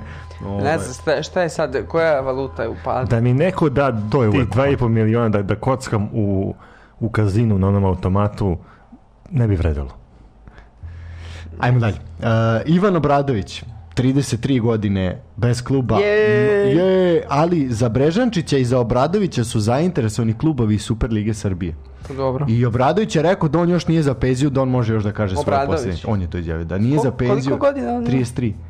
Kaže da on- Bradović, pa on, ali, on- ali on čovjek ne igra poslednjih 7-8 godina, bukvalno ne igra, samo sedi na klub. Da, da. Pa i ova odigra par utakmica. A šta hoće da kaže, ne razumijem. Kaže, svoju posljednju reč da kaže. šta kaže- hoće da kaže, usavršio A on se sad, sad se rehabilitovao naš trening. Savršio sam tapaciranje kluba, klupa po stadionima, ne razumem šta. Nemanja Miletić, 31 godina, bez kluba. A, Lazar Pavlović, 20 godina, bez kluba. E, za njega mi je poprilično i žao, on je takav talent Da, bio 20 je- Meni godina. nije. Meni nije žao zato što uh, od njega se očekivalo da zameni Sašu Ilića, uh, nazvan je Partizanov Messi, imao je tu tehniku. Imali smo mi više Mesija. Da, i zamenika Saša Ilića isto Da. tako, E, da. Ali pričam za njega baš zato što u momentima kada se Sale povlačio, on je nekako i njega projektovao da on bude njegov zamenik. To je bio projekt Save Miloševića, da. Pavlović ništa konkretno nije pokazao, pritom mislim da je već dugo godina u klubu da je morao nešto da napravi i ovo je samo splet događaja koji je usledio da, da mora da napusti Ništa, mislim, sreća njegova što je 10, 12 i 15 godina mlađi od svih ovih ostali koji smo pročitali, tako da za njega još Volio bi da ga vidim u vremena. Kolubari, iskreno. Pa treba mu neki ma ili tipa TSC ili tako neki ma, Da, pa manji ja sam negde, neko je pričao, ili sam negde pročitao da je on čovek jednostavno stopio se sa tom ulogom. To si ti rekao, jel da? Da. Da, jednostavno se stopio sa tom ulogom rezerviste i da, da je tu našao neku komfort zonu što je smrt za mladog igrača. Tako je. Tako Mada da- može taj pritisak igranju u Partizanu, ne znam. Može biti, vidi da je poklikao. Iskvario ga Beograd, što bi rekao Rade Bogdanović. Pa da. Uh, Bojan Ostojić, 38 godina, završio karijeru, a to, to je, kažem, jedna zaista jedna lepa, lepa karijera, uh, onako, na kraju i trofejna, uh, njemu je zapravo taj pik karijere bio na samom zalasku kada je došao u Partizan, nekoliko bitnih golova je dao, dao je gol u finalu kupa za trofej, jel, Sećamo Da, da. se. da, ovaj, na stadionu Crvene zvezde, dao je nekoliko bitnih gola one godine kad se osvojila titula, sjećamo se gola Vojvodini u Novom Sadu, znači zaista, zaista je ovaj... I bio je standardan Bio je te standardan i- sezone. I sa 35-36 godina je bio bez greške, poprilično onako Da. zaista je držao. Jedina ovaj, šteta što nije ranije došao. Da, Eto, da. neko kaže da je on čovjek koji je uspio da napravi oba štopera za reprezentaciju. Tako je, pa jeste istina. I Blekija Milenkovića Da. i, i ovoga Strahinju Pavlića, obojica su stasala uz njega. Uh, Milan Smiljanić je 35 godina, isto bez kluba. Čekaj, otišao zvanično? Zvanično je Lola napustio igrački kadar Partizana, ali mu je, ali mu je ponuđeno mesto trenera u mlađim kategorijama. Da, da pokaže splavo. Da, e, isto da, isto Ne, za da Ostojića. I izvede Ostojić pravi u put. Teleoptik. I Ostojić će izgleda preći kao trener u Teleoptik. Pa dobro, za Ostojića ja, Da, ja to je vidim okej. zašto i kako, ali za... Lolu? On može samo da pokaže gde, gde ima ovaj dobar splav i, i kao Mihajlović kad je vodio ovog Adriana i ostale gde može dobro da se pojede. E, vidiš, na primjer, ja se možda čak i ne bi tu složio. Mislim da je, Ja mislim da Lola mislim zna. da je Lola malo odrastao Malo. Pa, malo, čekao je 35, 6, i mislim da 8. 35, 35. nekako izduvao se. Znaš, kao sad je postao malo drugačiji. Izduvao se. Pa dobro. E, kad smo kod Strahinje Pavlovića, provlači se priča da Partizan želi da ga angažuje ponovo. E, također se priča i o ponovnom angažovanju Svete Markovića, ali se tu čeka da se završi sudski spor sa Olimpijakosom. E sad, ta priča oko Strahinje Pavlovića je poprilično zanimljivija, jer imate reprezentativnog back uh, štopera, jel? Ovaj, koji ne dobija minute u klubovima i za koga bi igranje u Ligi Evrope, ako se Partizan nje domogne, bilo zaista dobro. Jer U i svake Lige Evrope je i otišao Taj- zapravo, da. Taj transfer bi u svakom pogledu doneo. Trebalo da donese nešto dobro. I za Partizan i za Pavlovića, pa i za nas navijače. Jedino što ovaj po meni Pavlović ovaj ako se vrati u našu ligu ne bi mogao da popravi taj jedan veliki nedostatak koji on po meni ima, a to je da je ovaj da je malo mesar, malo više. Ali to nije nedostatak. Što misliš da je to nedostatak? Pa to u, veliko, to u velikim utakmicama se ne prašta.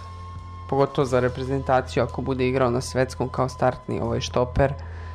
Ja mislim da to može bude veliki problem i da nas ovaj da nas na jedan način ugrobari time. Pa aj dobro, vidjet ćemo. U Super ligi da se ne lažemo, sudije su mu gledale kroz prste, Jesu više puta, da. da, ali ovaj to, to na velikoj sceni ne prolazi tako lako, tako da Dobro, zanimljivo.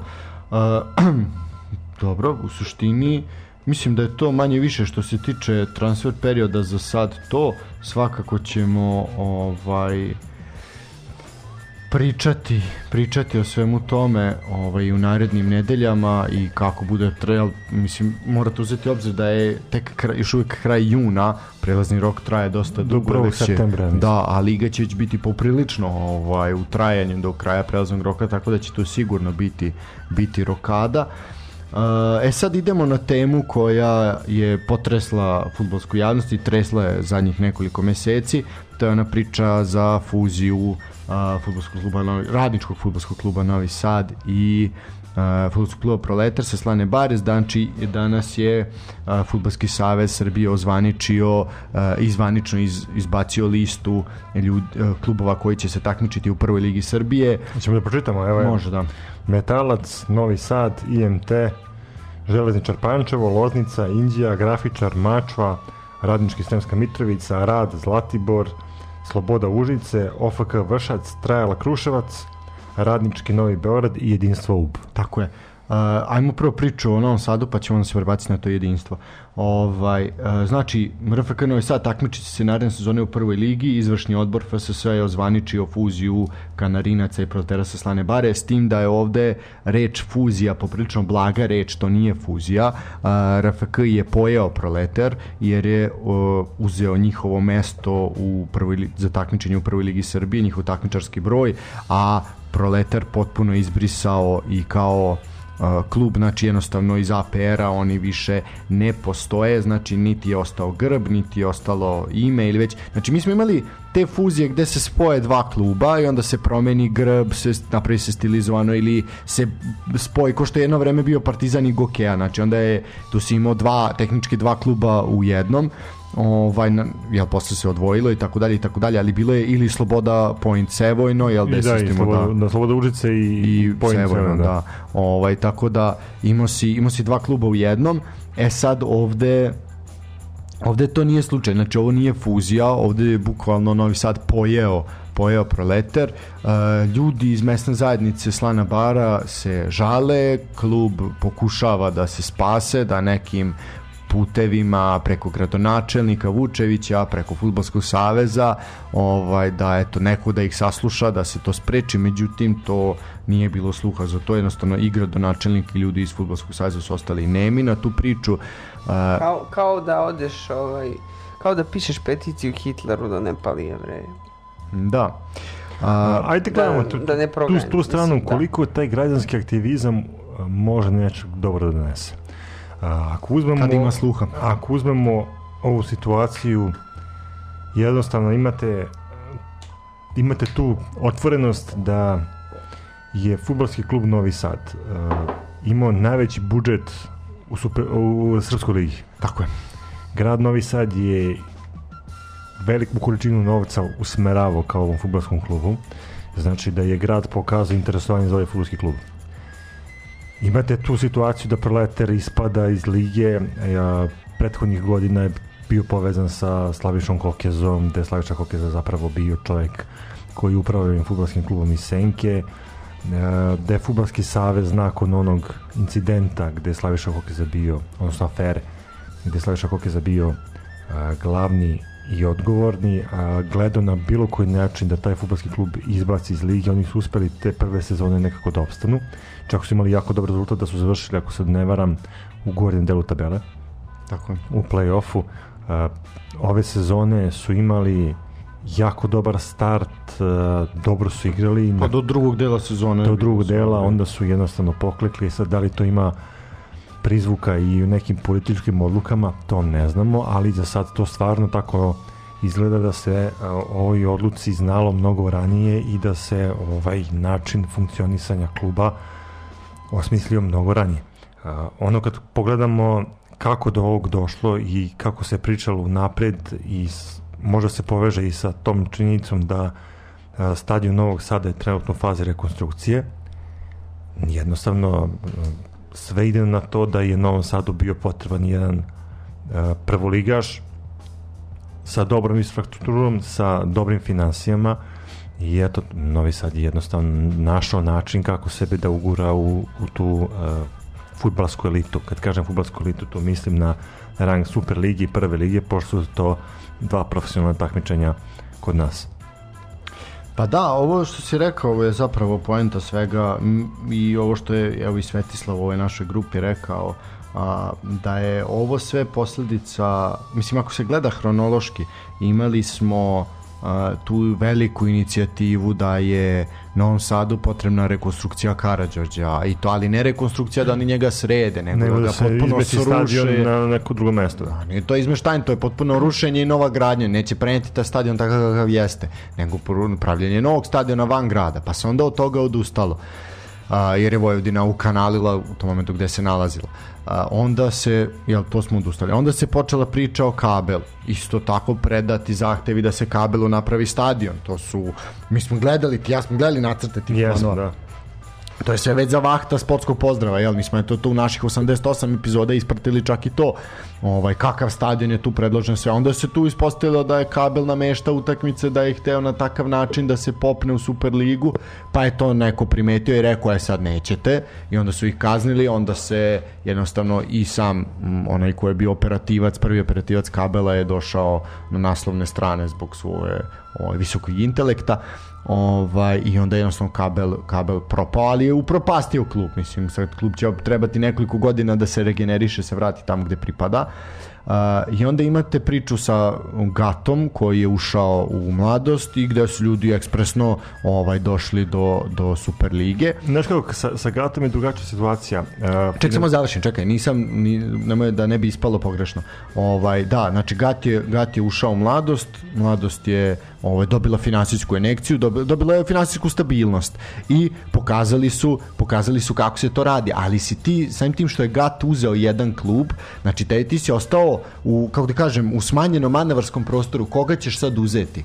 Znači Da, da, da, nije ti da. ostao niko nego RFK Novi Sad. Tako je. I onda kad dođeš tu, ok, sad ćemo tu srediti stadion, ali pošto se njima žuri očigledno, jer verovatno imaju neki rok koji se mora ispoštovati, ovaj, da li zbog tih fondova ili već su sad kako, kako finansijski teče lova, to, to je finansijski tokova, to je sad pitanje, ali zato se to moralo tako ekspresno uraditi i onda je zaista jedan klub sa bogatom istorijom za naše uslove je mora biti izbrisan da bi neko drugi da bi neko drugi došao da igra tu, tu prvu ligu Srbije. Vidjet ćemo sad, bit će jako zanimljivo, mislim, svakako ćemo pratiti prvu ligu, da vidimo šta će oni raditi u prvoj ligi, da li oni zaista pucaju na Superligu. I da li će to biti treći klub iz Novog Sada u Superligi. Dobro, to, to smo pričali više puta i ne vidim mogućnost da Novi Sad ima tri kluba u Superligi. Jer je to... Zato što će mladost ispast prve sezone. Pa upravo to, mada je eto, mladost je dovela sad dva, tri pojačanja onako malo zbiljnija. Ne verujem da će da će baš ispasti, ali da će biti Biće borba za biti opstanak. borba i to žestoka borba.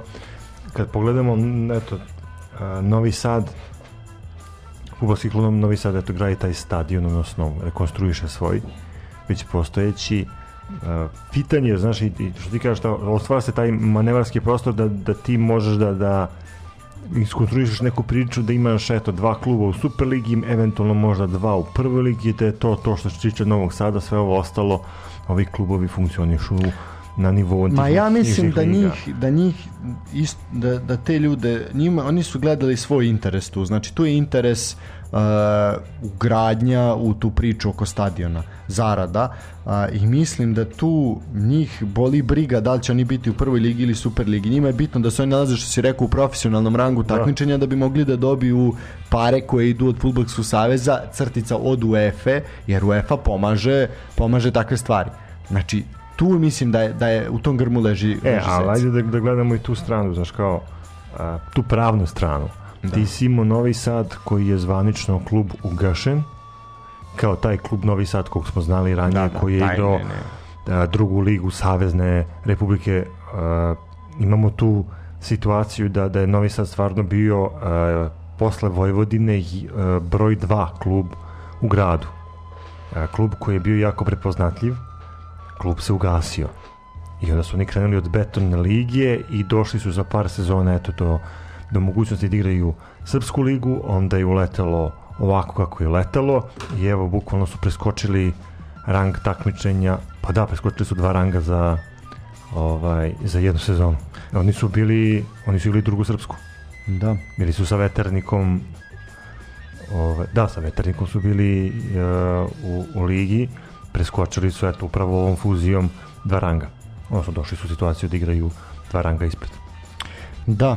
Uh, mislim manje više ono pričali smo o toj top tema već neko vreme trese trese fudbalsku javnost a, a evo sad je Mene zanima do opet i taj, kulminacije. početi nam pričam za taj građanski aktivizam. Šta mogu ljudi sa Slane Bare i A šta mogu? da urade u, u ovoj situaciji kada otvoreno znaš da je vlast, odnosno da je grad na strani Novog Sada? Pa ne možeš ništa, mislim Žale njihova... se, mislim, žalba se ulaže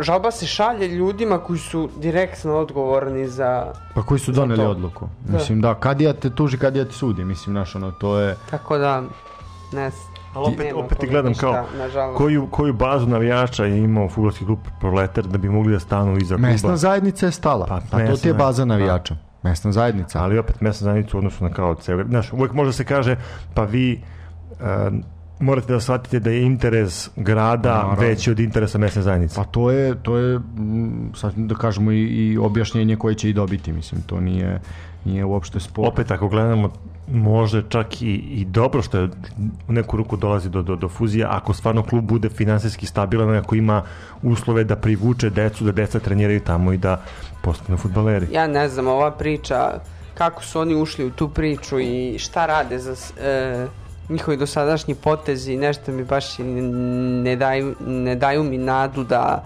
da će njima deca i sam futbal da bude ovaj prioritet. To pričaš za Novi Sad. Da. Da. A isto klub koji je u tokom istorije kao i proletar imao ozbiljnu bla, bazu mlađih kategorija. Ozbiljna baza, To ozbiljna škola futbola. To je istina, da. I u, u najcrnjim momentima kluba uvijek je gleda da se spase ta baza, da znači prvi tim nije morao da postoji, ali su A i klinci uvijek sad, i sad ima i klince. Pa, Tako naravno. da, ovaj, mislim, ja sam sudio i proleteru u mlađim kategorijama i, i RFK Novi Sad, tako da imaju oni svoje mlađe kategorije. Pa da, i Bar ne, imali pa, prošle i sezone. poprilično Ove- brojne, Ove, se- ove poprilično. sezone nisam siguran, ali prošle da. Ne, ne, i bili ove su, znači poprilično brojni. E, osim toga desilo se još E, nešto ovako malo interesantnije u, u toj Malo je Prvo ili- interesantnije. Pa malo interesantnije po meni zato što imamo isti, isti slučaj Pa sličan, da. jedinstvo iz Zuba je ušlo iako je sezonu završilo na trećem mestu. Da, nekolicina klubova konkurisala je za mesto koje je ostalo upražnjeno nakon što je Žarkovo istupilo. On je Žarko, jel, kao što podsjećamo, da, od, oni su odustali od takmičenja u prvoj ligi Srbije, a eto, bili su došli do play-offa. Uh, I nekoliko, mest, nekoliko timova je konkurisala. U pitanju bio Timok, Budućnost Dobanovci, Ofka Bačka, Zemun, Borac iz Čačka, Smederevo, Mladi radnik, ali i Jedinstvo iz Uba, ali eto, ipak je Jedinstvo iz Uba dobilo dobilo, da kažem, tu, tu čast, dobilo je taj wild card da igra prvu ligu Srbije, iako su, kao što je Stefan rekao, završili trećem, na trećem mestu u Srpskoj ligi Zapad iza Užičke slobode i sloge iz Požege. Uh, izvršni odbor Futbolskog saveza Srbije ih je podržao u interesu futbala. Uh, tako da eto klub uh, koji je iznedrio Džajića, Duleta Savića, pa i Braću Nemanju Petrovića. Matića, da. Ovaj, ali m, koji sada Nemanje Matić ima dosta dosta uticaja i taj stadion koji je sređen i tako dalje i tako dalje. Zapravo je taj stadion odigrao i ključnu ulogu. Uh, na kartu stadiona igrao i Borac iz Čačka koji je sredio svoj stadion. Tačnije sad se to zove Borac 1926, jel, pošto je to promenjen klub, onaj stari Borac je ugašen. Uh, na kartu stadiona igralo i Smederevo, međutim nisu, nisu prošli, jedinstvo iz Uba je dobilo tu priliku da se takmiči u prvoj ligi Srbije. Zanimljiva, zanimljive dve, eto, dve odluke izvršnog odbora Futbolskog saveza Srbije. Ne znam šta reći, mislim, eto, otvoreno se kaže da su dobili zbog stadiona. Ali ja moram da, ovo da, da, da, da, da citiram, znači, uh, predsjednik zajednice klubova Super ligi i Prve lige Dragomir Lazović, inače član izvršnog odbora Futbolskog saveza Srbije, je rekao sledeće. Po svim parametrima koje dolaze u obzir, jedinstvo je zaslužilo da se takmiči u prvoj ligi Srbije i skupilo najviše bodova od svih klubova koji dolaze u obzir. Znaš, ovo je... a, Da, ali jako skupilo bit- najviše bodova u trećem rangu takmičenja, a vamo si imao klubove iz prve iz, iz te iste prve lige koji su ispali, razumeš? Znaš, malo je to... A kao skupilo najviše bodova, znači šta, kao bodovo si, ne znam, lepotu dresa, stadion. Pa stadion i to sve, da. Ali imaš sad, evo, situaciju, Timok gradi ozbiljan stadion. Tako je. Zaječar, koji će, ozbiljan koji stadion, koji će da. biti o, ove godine završen. Pa znači od sledeće sezone tu su. Loznica. Eto, Loz, dobra, ajde, Loznica je ono ostalo. Ok, i, tu da. su, da, ali, ovaj, ali isto tako naš. Imaš tu slogu iz Požege koje je stvarno dve godine za, za redom pokazuju da, da su jako kvalitetna kluba. Tako je. Prošle godine su ispali u baražu, ove godine su bili prvi i po meni su oni trebali da, da, da, da uđu. Umesto jedinstva iz zuba. Ali sad ovaj, imamo taj taj Drugi, trend... drugi su bili, nisu bili prvi, drugi su bili. Prva bila Sloboda. Jeste, da, prvo, da, da, prvo bilo sloboda, sloboda ušlo direktno, oni su bili drugi, Ali iza, ali na šta je tu sad jako bitno? Ti imaš, kad se kaže da je iza jedinstva iz Uba stoji Nemanja, Nemanja Matić, to ima težinu. Ko stoji iza slogi iz Požege? Stoji niko. Stoji grad Požega. A to ti je pandan mesni zajednici Slana Bar. ali u ovoj situaciji javio se i jedan od uh, legendi sa UBA, Dragan Đajić, koji je rekao da podržava ovo, ovaj trend, znači uvođenja jedinstva u prvu ligu. On ih podržava još iz podunavske zone i prati ih svih ovih godina. I Dobro, drago- to je njegov klub. mislim. Pa da. Ovaj, I nekako misli da, da je gradu Ubu i, i celom tom a, podunavskom okrugu potreban ovako jedan klub. Pa okej, ajde. Mislim, može, ajde da kriterijum onda za prvu ligu Srbije bude, Bude bude, stadion. stadion. Nek bude infrastruktura. Dobro, to, Ali to nek se otvoreno to kaže Da, i onda ne bude da se igra liga, nego ajde ljudi da gledam ko ima jaču, jaču građevinsku To je firmu, priča- ko može više betona da navuče i eto, to je futbol. Pa okej, ako je to... Ako... Ne, ali neka bude otvoreno, razumeš, cilj Da. nam je da popravimo infrastrukturu u Okej. zemlji, moramo to da obezbedimo zbog tih i tih razloga, to će biti Tako prioritet je, ja i to je to. Znači, nek se nemojte nas onda mazati, pa mislim, ono, znaš kao, e, ne, nije mi jasno zašto se maže, zašto se laže, razumeš, zašto je problem reći I e, onda tako ne bi morao, onda ne bi morao ni ni da se gasi proleter i da se fuzioniše sa RFK problem, Novom dajte. Znači, vi, vi i gubite licencu, Tako nemate gde da igrate, vi dobijate licencu. Tako To je. ono što se dešava u Bosni. U Bosni, na primjer, uh, ajde premier liga manje više. Uh, to je bilo prethodnih godina, ali za ovu ligu ispod, znači tu prvu ligu Republike Srpske i prvu, ligu Federacije.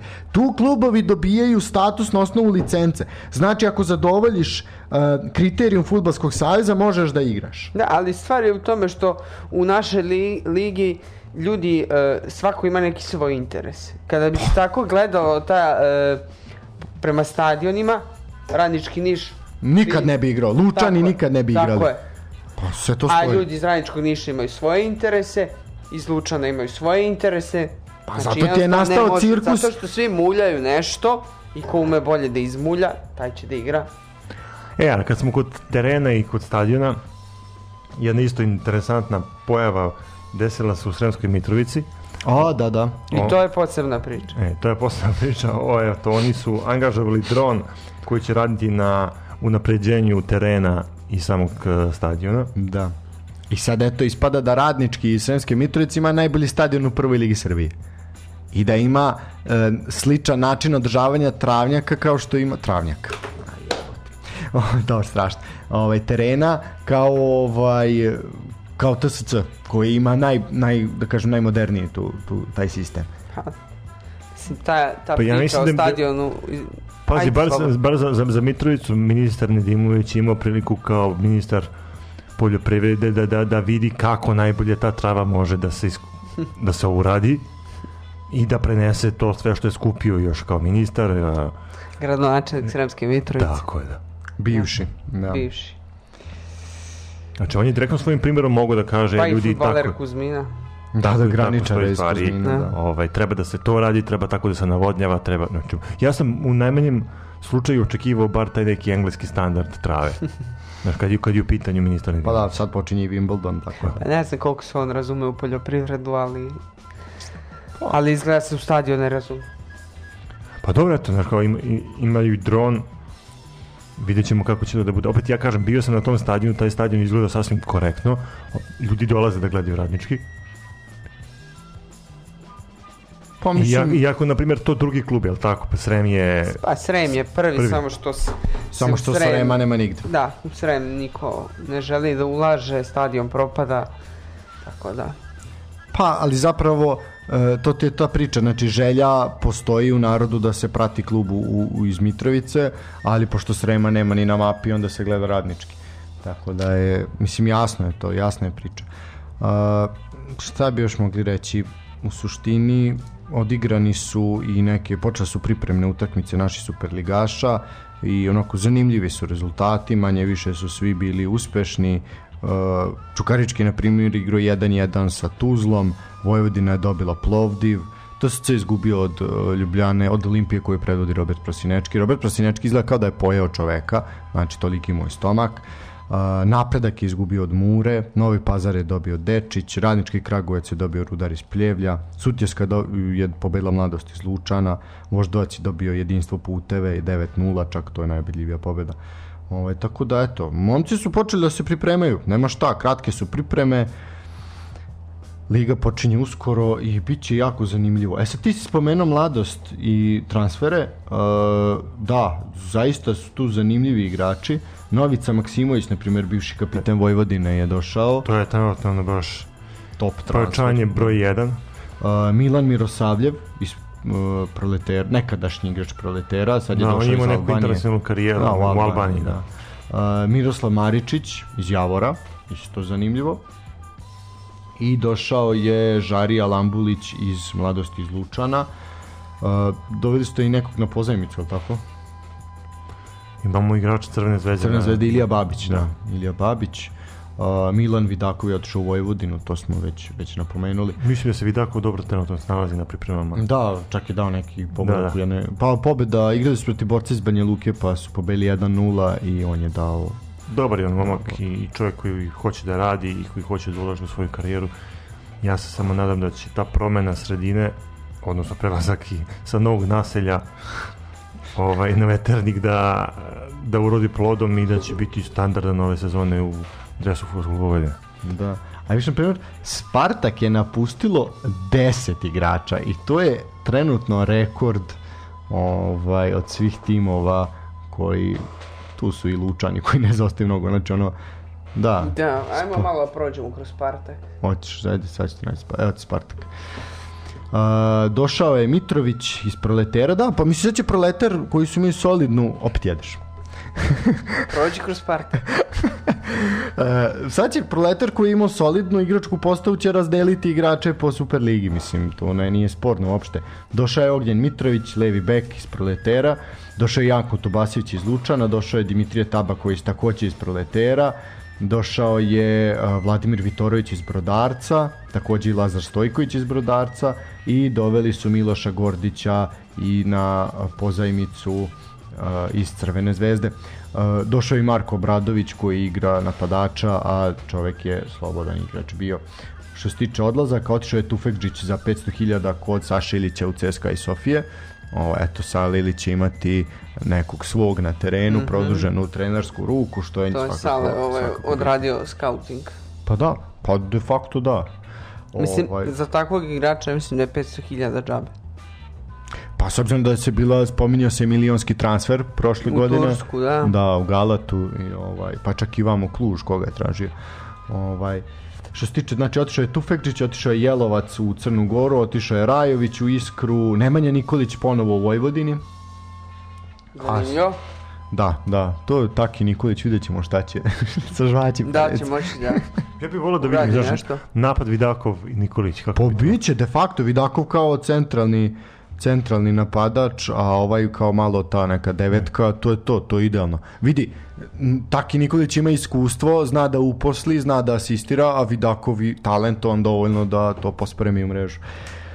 Tu su još napustili klub e, Tomašković, Bogićević, Milutinović, Stefan Milošević, eto čovjek koji je protiv Partizana onako sijao svaki put. Nemanja Mihajlović, Neca Mihajlović, eto, veliki partizanov talenat je od, ostao, istekom ugovor, ostao bez kluba. Pa ne znam, se nešto pokazao. Pa nije ništa, nije ni čim je ostao bez kluba. Čim je ostao bez kluba, da. Pa, Tako možda da- neka kolubara ili nešto tako. Pa realno je za Kolubaru, da. Ovaj, dobro, šta te još zanima? Imaš još neki klub da te... Evo, na primjer, Radnički iz Kragujevca je samo dva igrača doveo. Dušana Stojiljkovića i Dušana Cvetinovića. To oni su naj, najmanje aktivni na, na transfer A Javor? pijaci. A Javor, da, vidiš, Javor se malo spominje, ovaj, s obzirom da su ušli u Superligu. A, doveli su Marka Maletića, 28-godišnjeg napadača, koji ima dvojno državljanstvo Bosne i Holandije. A, Luka Gojković je došao desno krilo iz Rada, Norman Campbell je došao iz Čukaričkog, isto desno krilo i došao je Petar Gigić. Eto, Gigić ponovo u Superligi. Opet, Opet, da. zanimljivo. On je dakle iz Mačve. A, bio u Mačvi, pa bio u Partizanu, pa u Novom Pazaru, pa je na kraju bio u Železničaru. Ako da zanimljivo. A TSC? Mm, dobro, pa onda redom je bilo sad kad tu me zezaš. Ovaj, Novi Pazar došao je Zoran Danovski iz Mladosti iz Lučana, Lazar Slaković, to smo rekli. Filip Kljajić je došao u Novi Pazar kao slobodan igrač. Uh, Mitar Ergelaš je došao iz Čukaričkog, Perica Pešukić je, Periša, pardon, Pešukić je došao isto, a tu, tu su sve ovaj, ljudi koji su u jednom momentu zadobili poverenje scouting službe Partizana i Žan Medved, kog smo malo pre ispomenuli. Spartak sam rekao, Mladost Lučani još uvijek, Mladost nije dobila nikoga. Znači, Mladost nije dobila nikoga, a klub su napustili i Saša Jovanović, i Sava Petrov, i Zoran Danovski, i Ante Hrkač, i Miloš Cvetković, i Tum Basević, S kime igraju ove Lambulić, Milošević, Milosavljević, pa pitanje je s kim će Jesi igrati. spomenuo da je Saša Marjanović prešao iz napretka u radnički Niš? Uh, da, da nisam još došao do Radničkog iz Niša, bio sam u Kragujevcu. Kolubara, to smo rekli Vukušić, Delević i Vanja Ilić, ovaj došao iz Tuzla Citya, a Delević i Ilić iz Žarkova. E, Surdulica dovela Andriju Milića iz Radničkog i Sremske Mitrovice. A, a, a, Napredak Kruševac, evo ga. Nikola Vukajlović došao iz Indije, Bojan Čečarić došao iz Novog pazara, Nikola Petrić, golman proletera, ozbiljan golman došao u napredak, e, Klemen Volha, to smo isto rekli, e, i došao je ovaj, Saša, Saša Marjanović, Uh, Milan Sprema je, to, je otišao put Banja Luke i Petrić je ozbiljan golman. Saša Marjanović, da, rekli smo, pojačali radnički iz Niša, otišao iz Kruševca. Uh, Vojvodina je dojela Barah, Baraja, to smo rekli, Nikolića, Milosavljevića, takođe iz Mladosti, Carevića iz Barcelone B i Uroša Nikolića. A eto, Momčilo Mrkajić je otišao put Banja Luke i svakako će ovaj navijači Vojvodine odahnuti da će jednog manje talenta imati da gledaju. Emil Rockov se vratio u uh, Fehervar, a ono što je zanimljivo da je Miljan Vukadinović ostao bez kluba. Čovjek koji se prošle godine uh, važio za transfer target futbolskog kluba Partizan, pa je slomio ključnu kost, pa je ostao u Vojvodini. Eto da vidimo. Ozbiljno desno krilo. Stanojević ga je želeo, vidjet ćemo da li će ga želeti Ilija Stolica. Vidjet ćemo. Mislim da neće. Mislim da neće. A u Voždovcu, onaj Litvanac, on i dalje igra tamo. Nije, otišao je. Otišao. Otišao je, da. Uh, što se tiče Topole, Saša Jovanović, Cvetković, Stojić i Mihajlo Milosević isto iz Crvene zvezde. Crvena zvezda je dosta svojih mladih igrača poslala na pozajmice u širom Superlige, što je zanimljivo. Uh, Voždovac došao je Nikša Vujanović, uh, Arihiro Sentoku, to smo prošli put Stefan i ja pričali, Borisav Burmaz, eto napadač grafičara iz prošle sezone i Andrija Katić kao još jedan golman. Radnički Niš, Sava Petrov, Saša Marjanović, Stefan Dimić i Maka Gakov, to smo već rekli. Luka Adžić, Đorđe Ivanović, Nikola Vojadinović, Stefan Tomović su pojačali Čukarički. Naj, za sad najveći transfer, a, da je najviše para zaradio neko je Čukarički, Marko Rakonjac za 2,5 miliona otišao u lokomotivu iz Moskve. Svaka čast Brđanima. Partizan smo rekli i Crvenu zvezdu smo rekli Bukari, Kangva, Vuk Bogdanović i Stefan Leković. Mislim da bi mogli Hvala. definitivno na jednom malo Mogli bi sad kad smo prevrtali pijacu pauzu pa ćemo se odjavljivati. Evo, ovo je bila Lukićeva želja danas čitavo jutro. Slušamo muziku iz Konana Varvarina. Je zadovoljan sad? E, će biti naboj testosterona. Nego kako? Skidaš majicu. Skidaš majicu. Aj ponovo to. Nećemo, nećemo. Ništa. Ajde, slušamo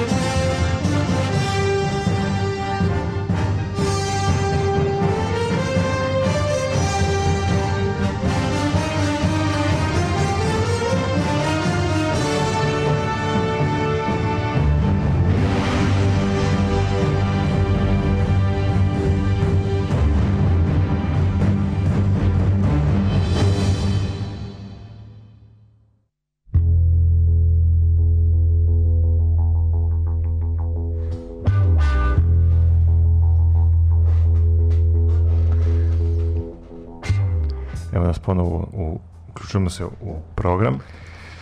Poslednji segment naše emisije. Definitivno. Ne, šta više da se kaže. E, Pri kraju smo i sa hranom. da, da, smo Lukić i je sve pojeo što je mogo da pojede, znači ništa više nije ostalo. Oni dani u mesecu. Baš, baš, kažu da muški PMS ne postoji i tekako Postoji, ja- ja mislim da postoji. postoji da. I Pa- mi imamo emocije, da se zna. Kakve takve, ali emocije. Pa ja bih zatvorio naše današnje druženje pričom o ovom omladinskom prvenstvu do 19 godina koje se, koje se odigrava. Ovaj, naši momci se nalaze u grupi B sa Austrijom. Austrija, Izrael Izrael, i Engleska. Engleska, da. I odigrane su dve, dve utakmice ovaj, gde Prva 2-2 sa Izraelom, a onda je usledio i poraz od, Od selekcije Engleske. E sad, ovaj, koliko ja shvatam, mi bi uh, pobedom protiv Austrije, koja se utakmica se igra 25. od 20 časova, bili treći na tabeli i ta treće mesto nas vodi u nekakav play-off, ovaj, pošto vidim da prve dve idu u polufinale.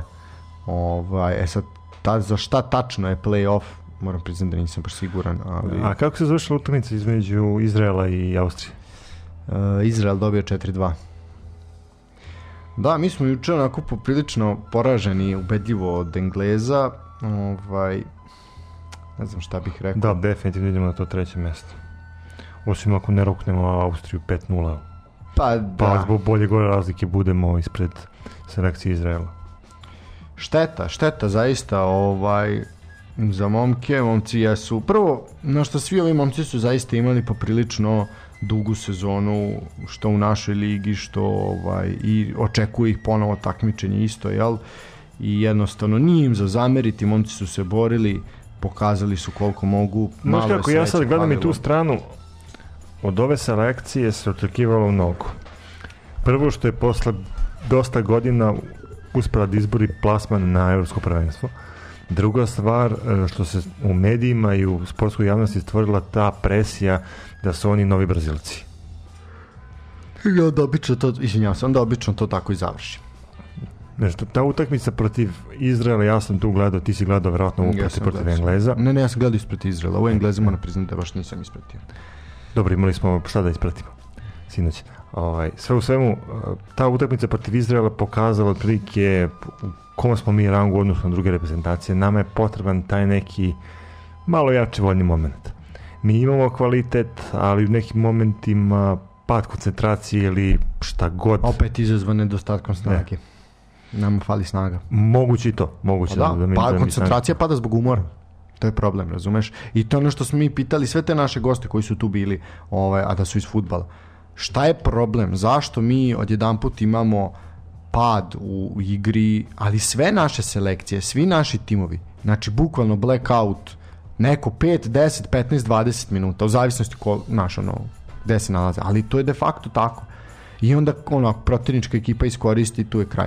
Ali vi ste imali, naši momci su ono, igrali fantastično u prvi deo utakmice i onda kao da su, nisu pojavili na terenu. Ne znam, ta priča se vrti za sve naše selekcije poslednjih. Što se tiče od, fudbala, da. Od uvek. Nema poslednjih od uvek.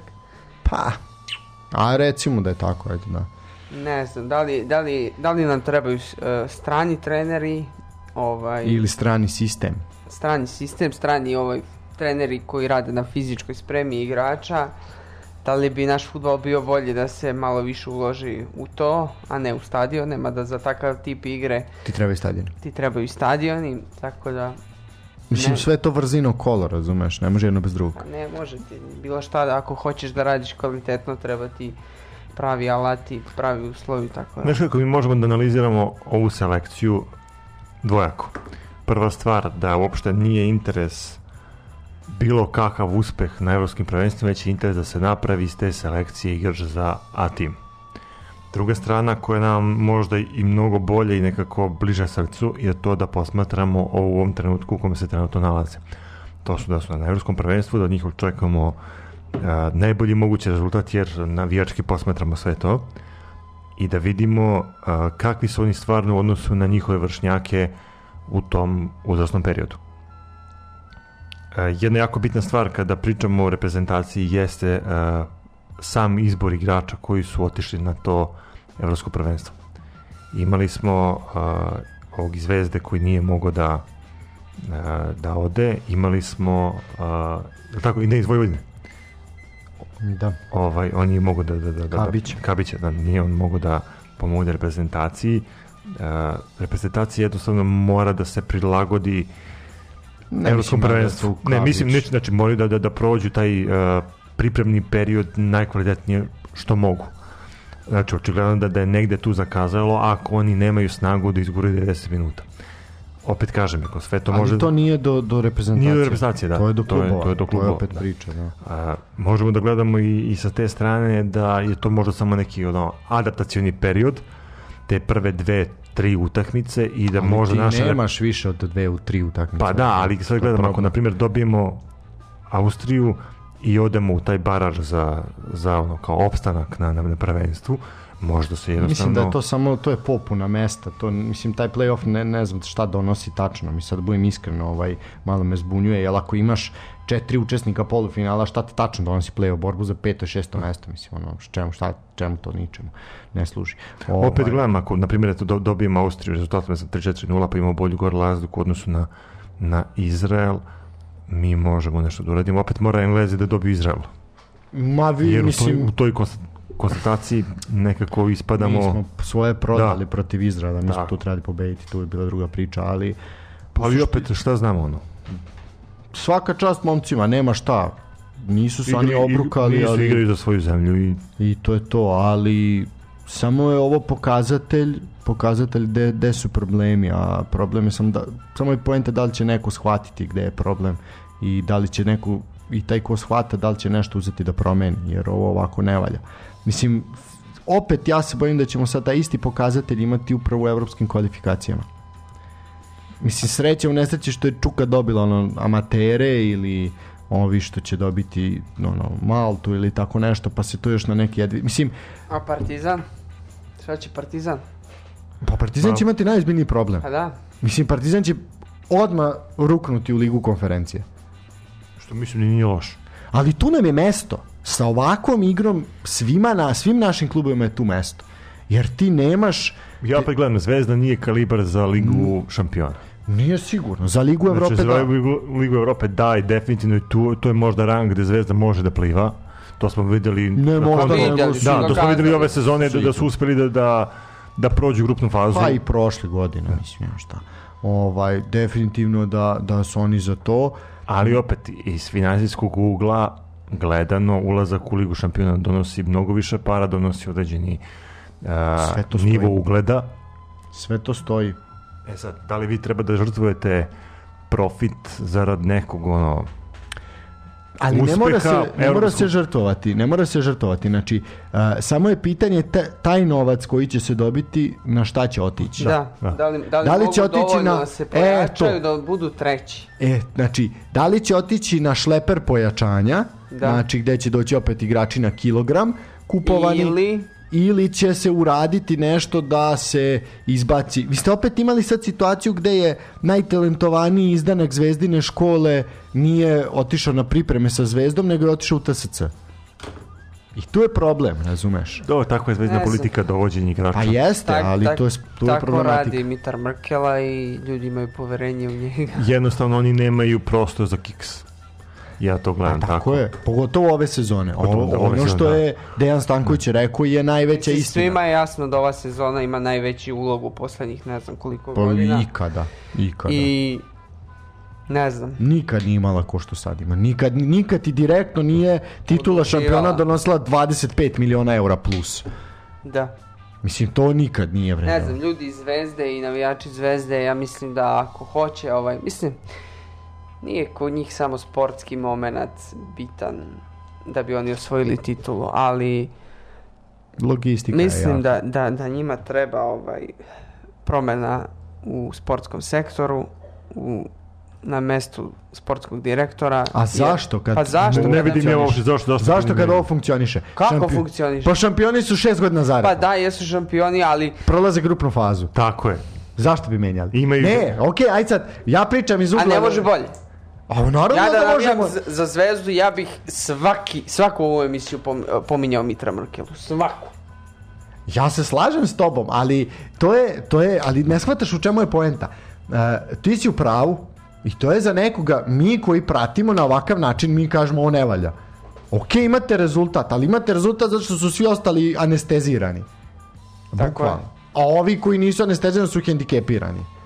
Tako Bio je. partizan prethodnih godina. Tako je. I onda ste imali jedne godine partizan koji se malo uzjogunio i opa, odmah je problem. I odmah se puca iz svih oružja. Znači, ja se slažem s tobom, ali za prosečnog navijača koji prati krajičkom oka šta se dešava i kom su bitnije koji evropski protivnik će doći u Beograd nego šta će njegovi uraditi, koji ne može možda ni na, da nabroji svih 11 navi- igrača Crvene zvezde u startnu postavu, njemu to nije bitno, njemu je bitno da se titula uzme. Prosječnom navijaču je bitno da uzmeš titulu da si u Evropi. Da li to može kvalitetnije ili ne, to njega ne zanima. Znaš, to, to je problem. Tu je problematika. U pravu si ti. Vidim, vidim, razumem. Razumem. E, šta da kažem, ja ovaj... Ja bi samo Ja, da- stre, ja uvek stremim ka boljem, pa, pa makar bilo, bila to i bolja zvezda, tako da... Pa razumem te, mislim. Ali to ti je ona priča za Partizan u godinama dok je Dragan Đurić bio predsjednik. Pet godina si bio prvak, igrao si grupnu fazu manje više svake godine i ljudi su bili zadovoljni. Gro navijača Partizana je bio zadovoljan. Imao si i masu koja nije bila zadovoljna. I to je ta priča, znači koji su videli da tu ima postoji potencijal za nešto mnogo više. Ali masa je bila zadovoljna. I tebi kada je većinski deo miran, i ti si siguran. Ja pogledam ono što je Dragan Đurić uradio s Partizanom, mislim da je redko ko može da uradi ovde kod nas, da vi uđete u ligu šampiona, prođete kvalifikacije Sa a da- nula eura sa povećanja. nula eura povećanja da dovedete slobodni igrače. Pa dobro, imali smo Klea. Da se ne lažemo. Imali smo čoveka ko... Ima za si koga- Mladena Krstajića koji je držao zadnju Tako liniju, je, da. Tako je. Sa ozbiljnom igračkom da se karijerom. Zaboravi, iako je posle toga imao... Što i Iako je posle toga imao ovaj poteze za zaborav, Mladen Krstajić je odigrao tu sezonu super. kao igrač. Da, ali imao si Klea od koga si ti mogao da očekuješ svake, na Dobro, svakoj ne, ja, ja, ja pričam, ja da pričam sam sistem, kako je funkcionisao sam sistem kluba. Igrački, da. Znaš, Da, pa Ti- mislim da to ti- su bili transferi E. Stefana Savića od 8 miliona u Manchester City, pa sledeću sezonu Nastas, ili sezonu pre Nastasić, Evo sad pa Zvezda, Jovetić, pa bilo je to, svake sezone su izbacivali jednog igrača koji ovaj, A sad se zatajilo, sad više toga nema. pa nema, zato što, zato što u Partizanu su ove sezone prioriteti bili neki drugi, deca kluba. da, Ali ne deca kluba od koje može se zaradi. ne, Pa ne znam, možda su oni mislili da eto mogu da ožive karijeru Miloša Jojića, Lazara Markovića, ne znam. Uh, Ja mislim da su oni došli samo zato što Obradovića. nisu imali gde da dođu. Nego pa su došli. A jedino je Partizan mogu da im ponudi tu platu koju su oni tražili. opet gledam, mislim da je politika Partizana i dalje ista, dovođenje nekih uh, igrača koji bi eto bili radi da dođu da igraju za Partizan i dovođenje opet povratnika koji nisu uspeli da nađu svoj angažman u inostranstvu. A koji kao navodno imaju neku tržišnu vrednost, imaju neki određeni kvalitet. Ne bi me čudilo da, da, da još neki povratnik dođe u Partizan. Pa vidjet ćemo. da li se nadaš nekom osim mlad, ovog uh, Pavlovića? Pa ne znam, Nikola Trujović možda. Trujić? Da. Pa Što da. ono, vidio sam ga na stadionu, pa je u glavi da možda trenira sa, sa ekipom. Čak sam i čuo da je prošle godine trenirao sa ekipom. Ja ne bi imao ništa protiv da Trujić dođe. Trujić je Ja bi, radan imao, momak. ja bi imao protiv, ja mislim da on ni u prvom mandatu nije bio čovjek koji, koji mogu da, da bude uh, pojačanje Partizana, ali opet jeste Partizanovo dete i jeste prošao sve te selekcije, Teloptika i Partizana. Ono što za njega može se garantno da će on ostaviti srce na tom terenu, to je definitivno. Da li ima kvalitet ne, ima, ili ne. ima definitivno tu fizičku spremu Tako je. koja može njemu da bude dodatan plus u odnosu na, na drugi igrače. Ali kad pogledam kakvu je imao karijeru i koji su klubovi u kojima je on igrao, stvarno ne, ne bi dolazak u Partizan za njega bio premija. A šta je sa Birmančević? Potišu u Partizan- Švedsku. E, možda Da, i... Partizan nema šan, ima li šanse da Partizan dovede Birmančević? Možda i, Zašto bi on došao u Partizan? Pa e, zato i pitam. Ima evo, li možda, šanse? možda i Brašanac. Eto, uzeo sam primjer i Brašanac. Možda bi Brašanac bio isto interesantan da... Ali meni ja Brašanac, kao meni. Brašanac nije bio ništa posebno nikad igrao. Meni je on bio solidan, ali... Pa solidan, samo to. Solidan, da, ali pa dobro za takvu poziciju koju on igra, okej, ali mislim ja ne vidim zašto bi oni došli u Partizan u ovom momentu. Pa ja bi za Birmančevića ne vidim. Ma ni za Brašanca. Pa, Ne pa za vidim, ne vidim šta, šta, on, šta trenutno on može da dobije od Partizana, razumeš? Mislim, ja, da ćemo iskreno, ja ne znam na kakvu prevaru je Sami Milošević doveo Sadika, Sana i, i Natha. Znači, to su top kvalitetni igrači za našu ligu, a na kakvu prevaru si ih doveo ovde? Znači, to... Ne znam, mislim, ajde, vidjet ćemo. Vidjet ćemo. Sve u svemu, ajde, trvimo tu već dva sata, ovaj, a vrtimo se manje više u krug. Ja bi, ovaj, ako nemate šta pametno za dodati, ja bi zaključio ovo vanredno izdanje. Šta da kažem, smrt Novom Sadu, živio proleter. to je poenta. Pa to je to, ja ovaj, nemam šta da dodam. Pa stvarno. sve smo rekli, izdominirali da smo, smo da. prešli većinu toga. Pa ne većinu, sve smo, sve smo iskomentarisali što može da se komentariše. Prešli smo i prelazni rok, manje više pijacu smo updateali, s vremena na vreme ćemo to raditi, pratit ćemo klubove regionalne u kvalifikacijama, pratit ćemo kad počne Superliga, naravno, prokomentarisati sve to kako bude dogledno vreme. Nismo samo rekli da prva Liga Srbije kreće 5. avgusta, eto dan pre premijer Lige Engleske, ovaj, tako da eto, to je isto zanimljivo. Ništa, ono, Sportski pozdrav za naše slušaoce i da. želimo im, Ugodan jest ja im ostatak. želim lep ostatak dana i vikend naravno. To je bilo to za ovo jutarnje uključenje naše. Hvala vam što ste izvojili vreme da slušate ovu našu emisiju. Mi se vidimo sledeći put u našem standardnom terminu. Do tada sportski pozdrav. Thank you.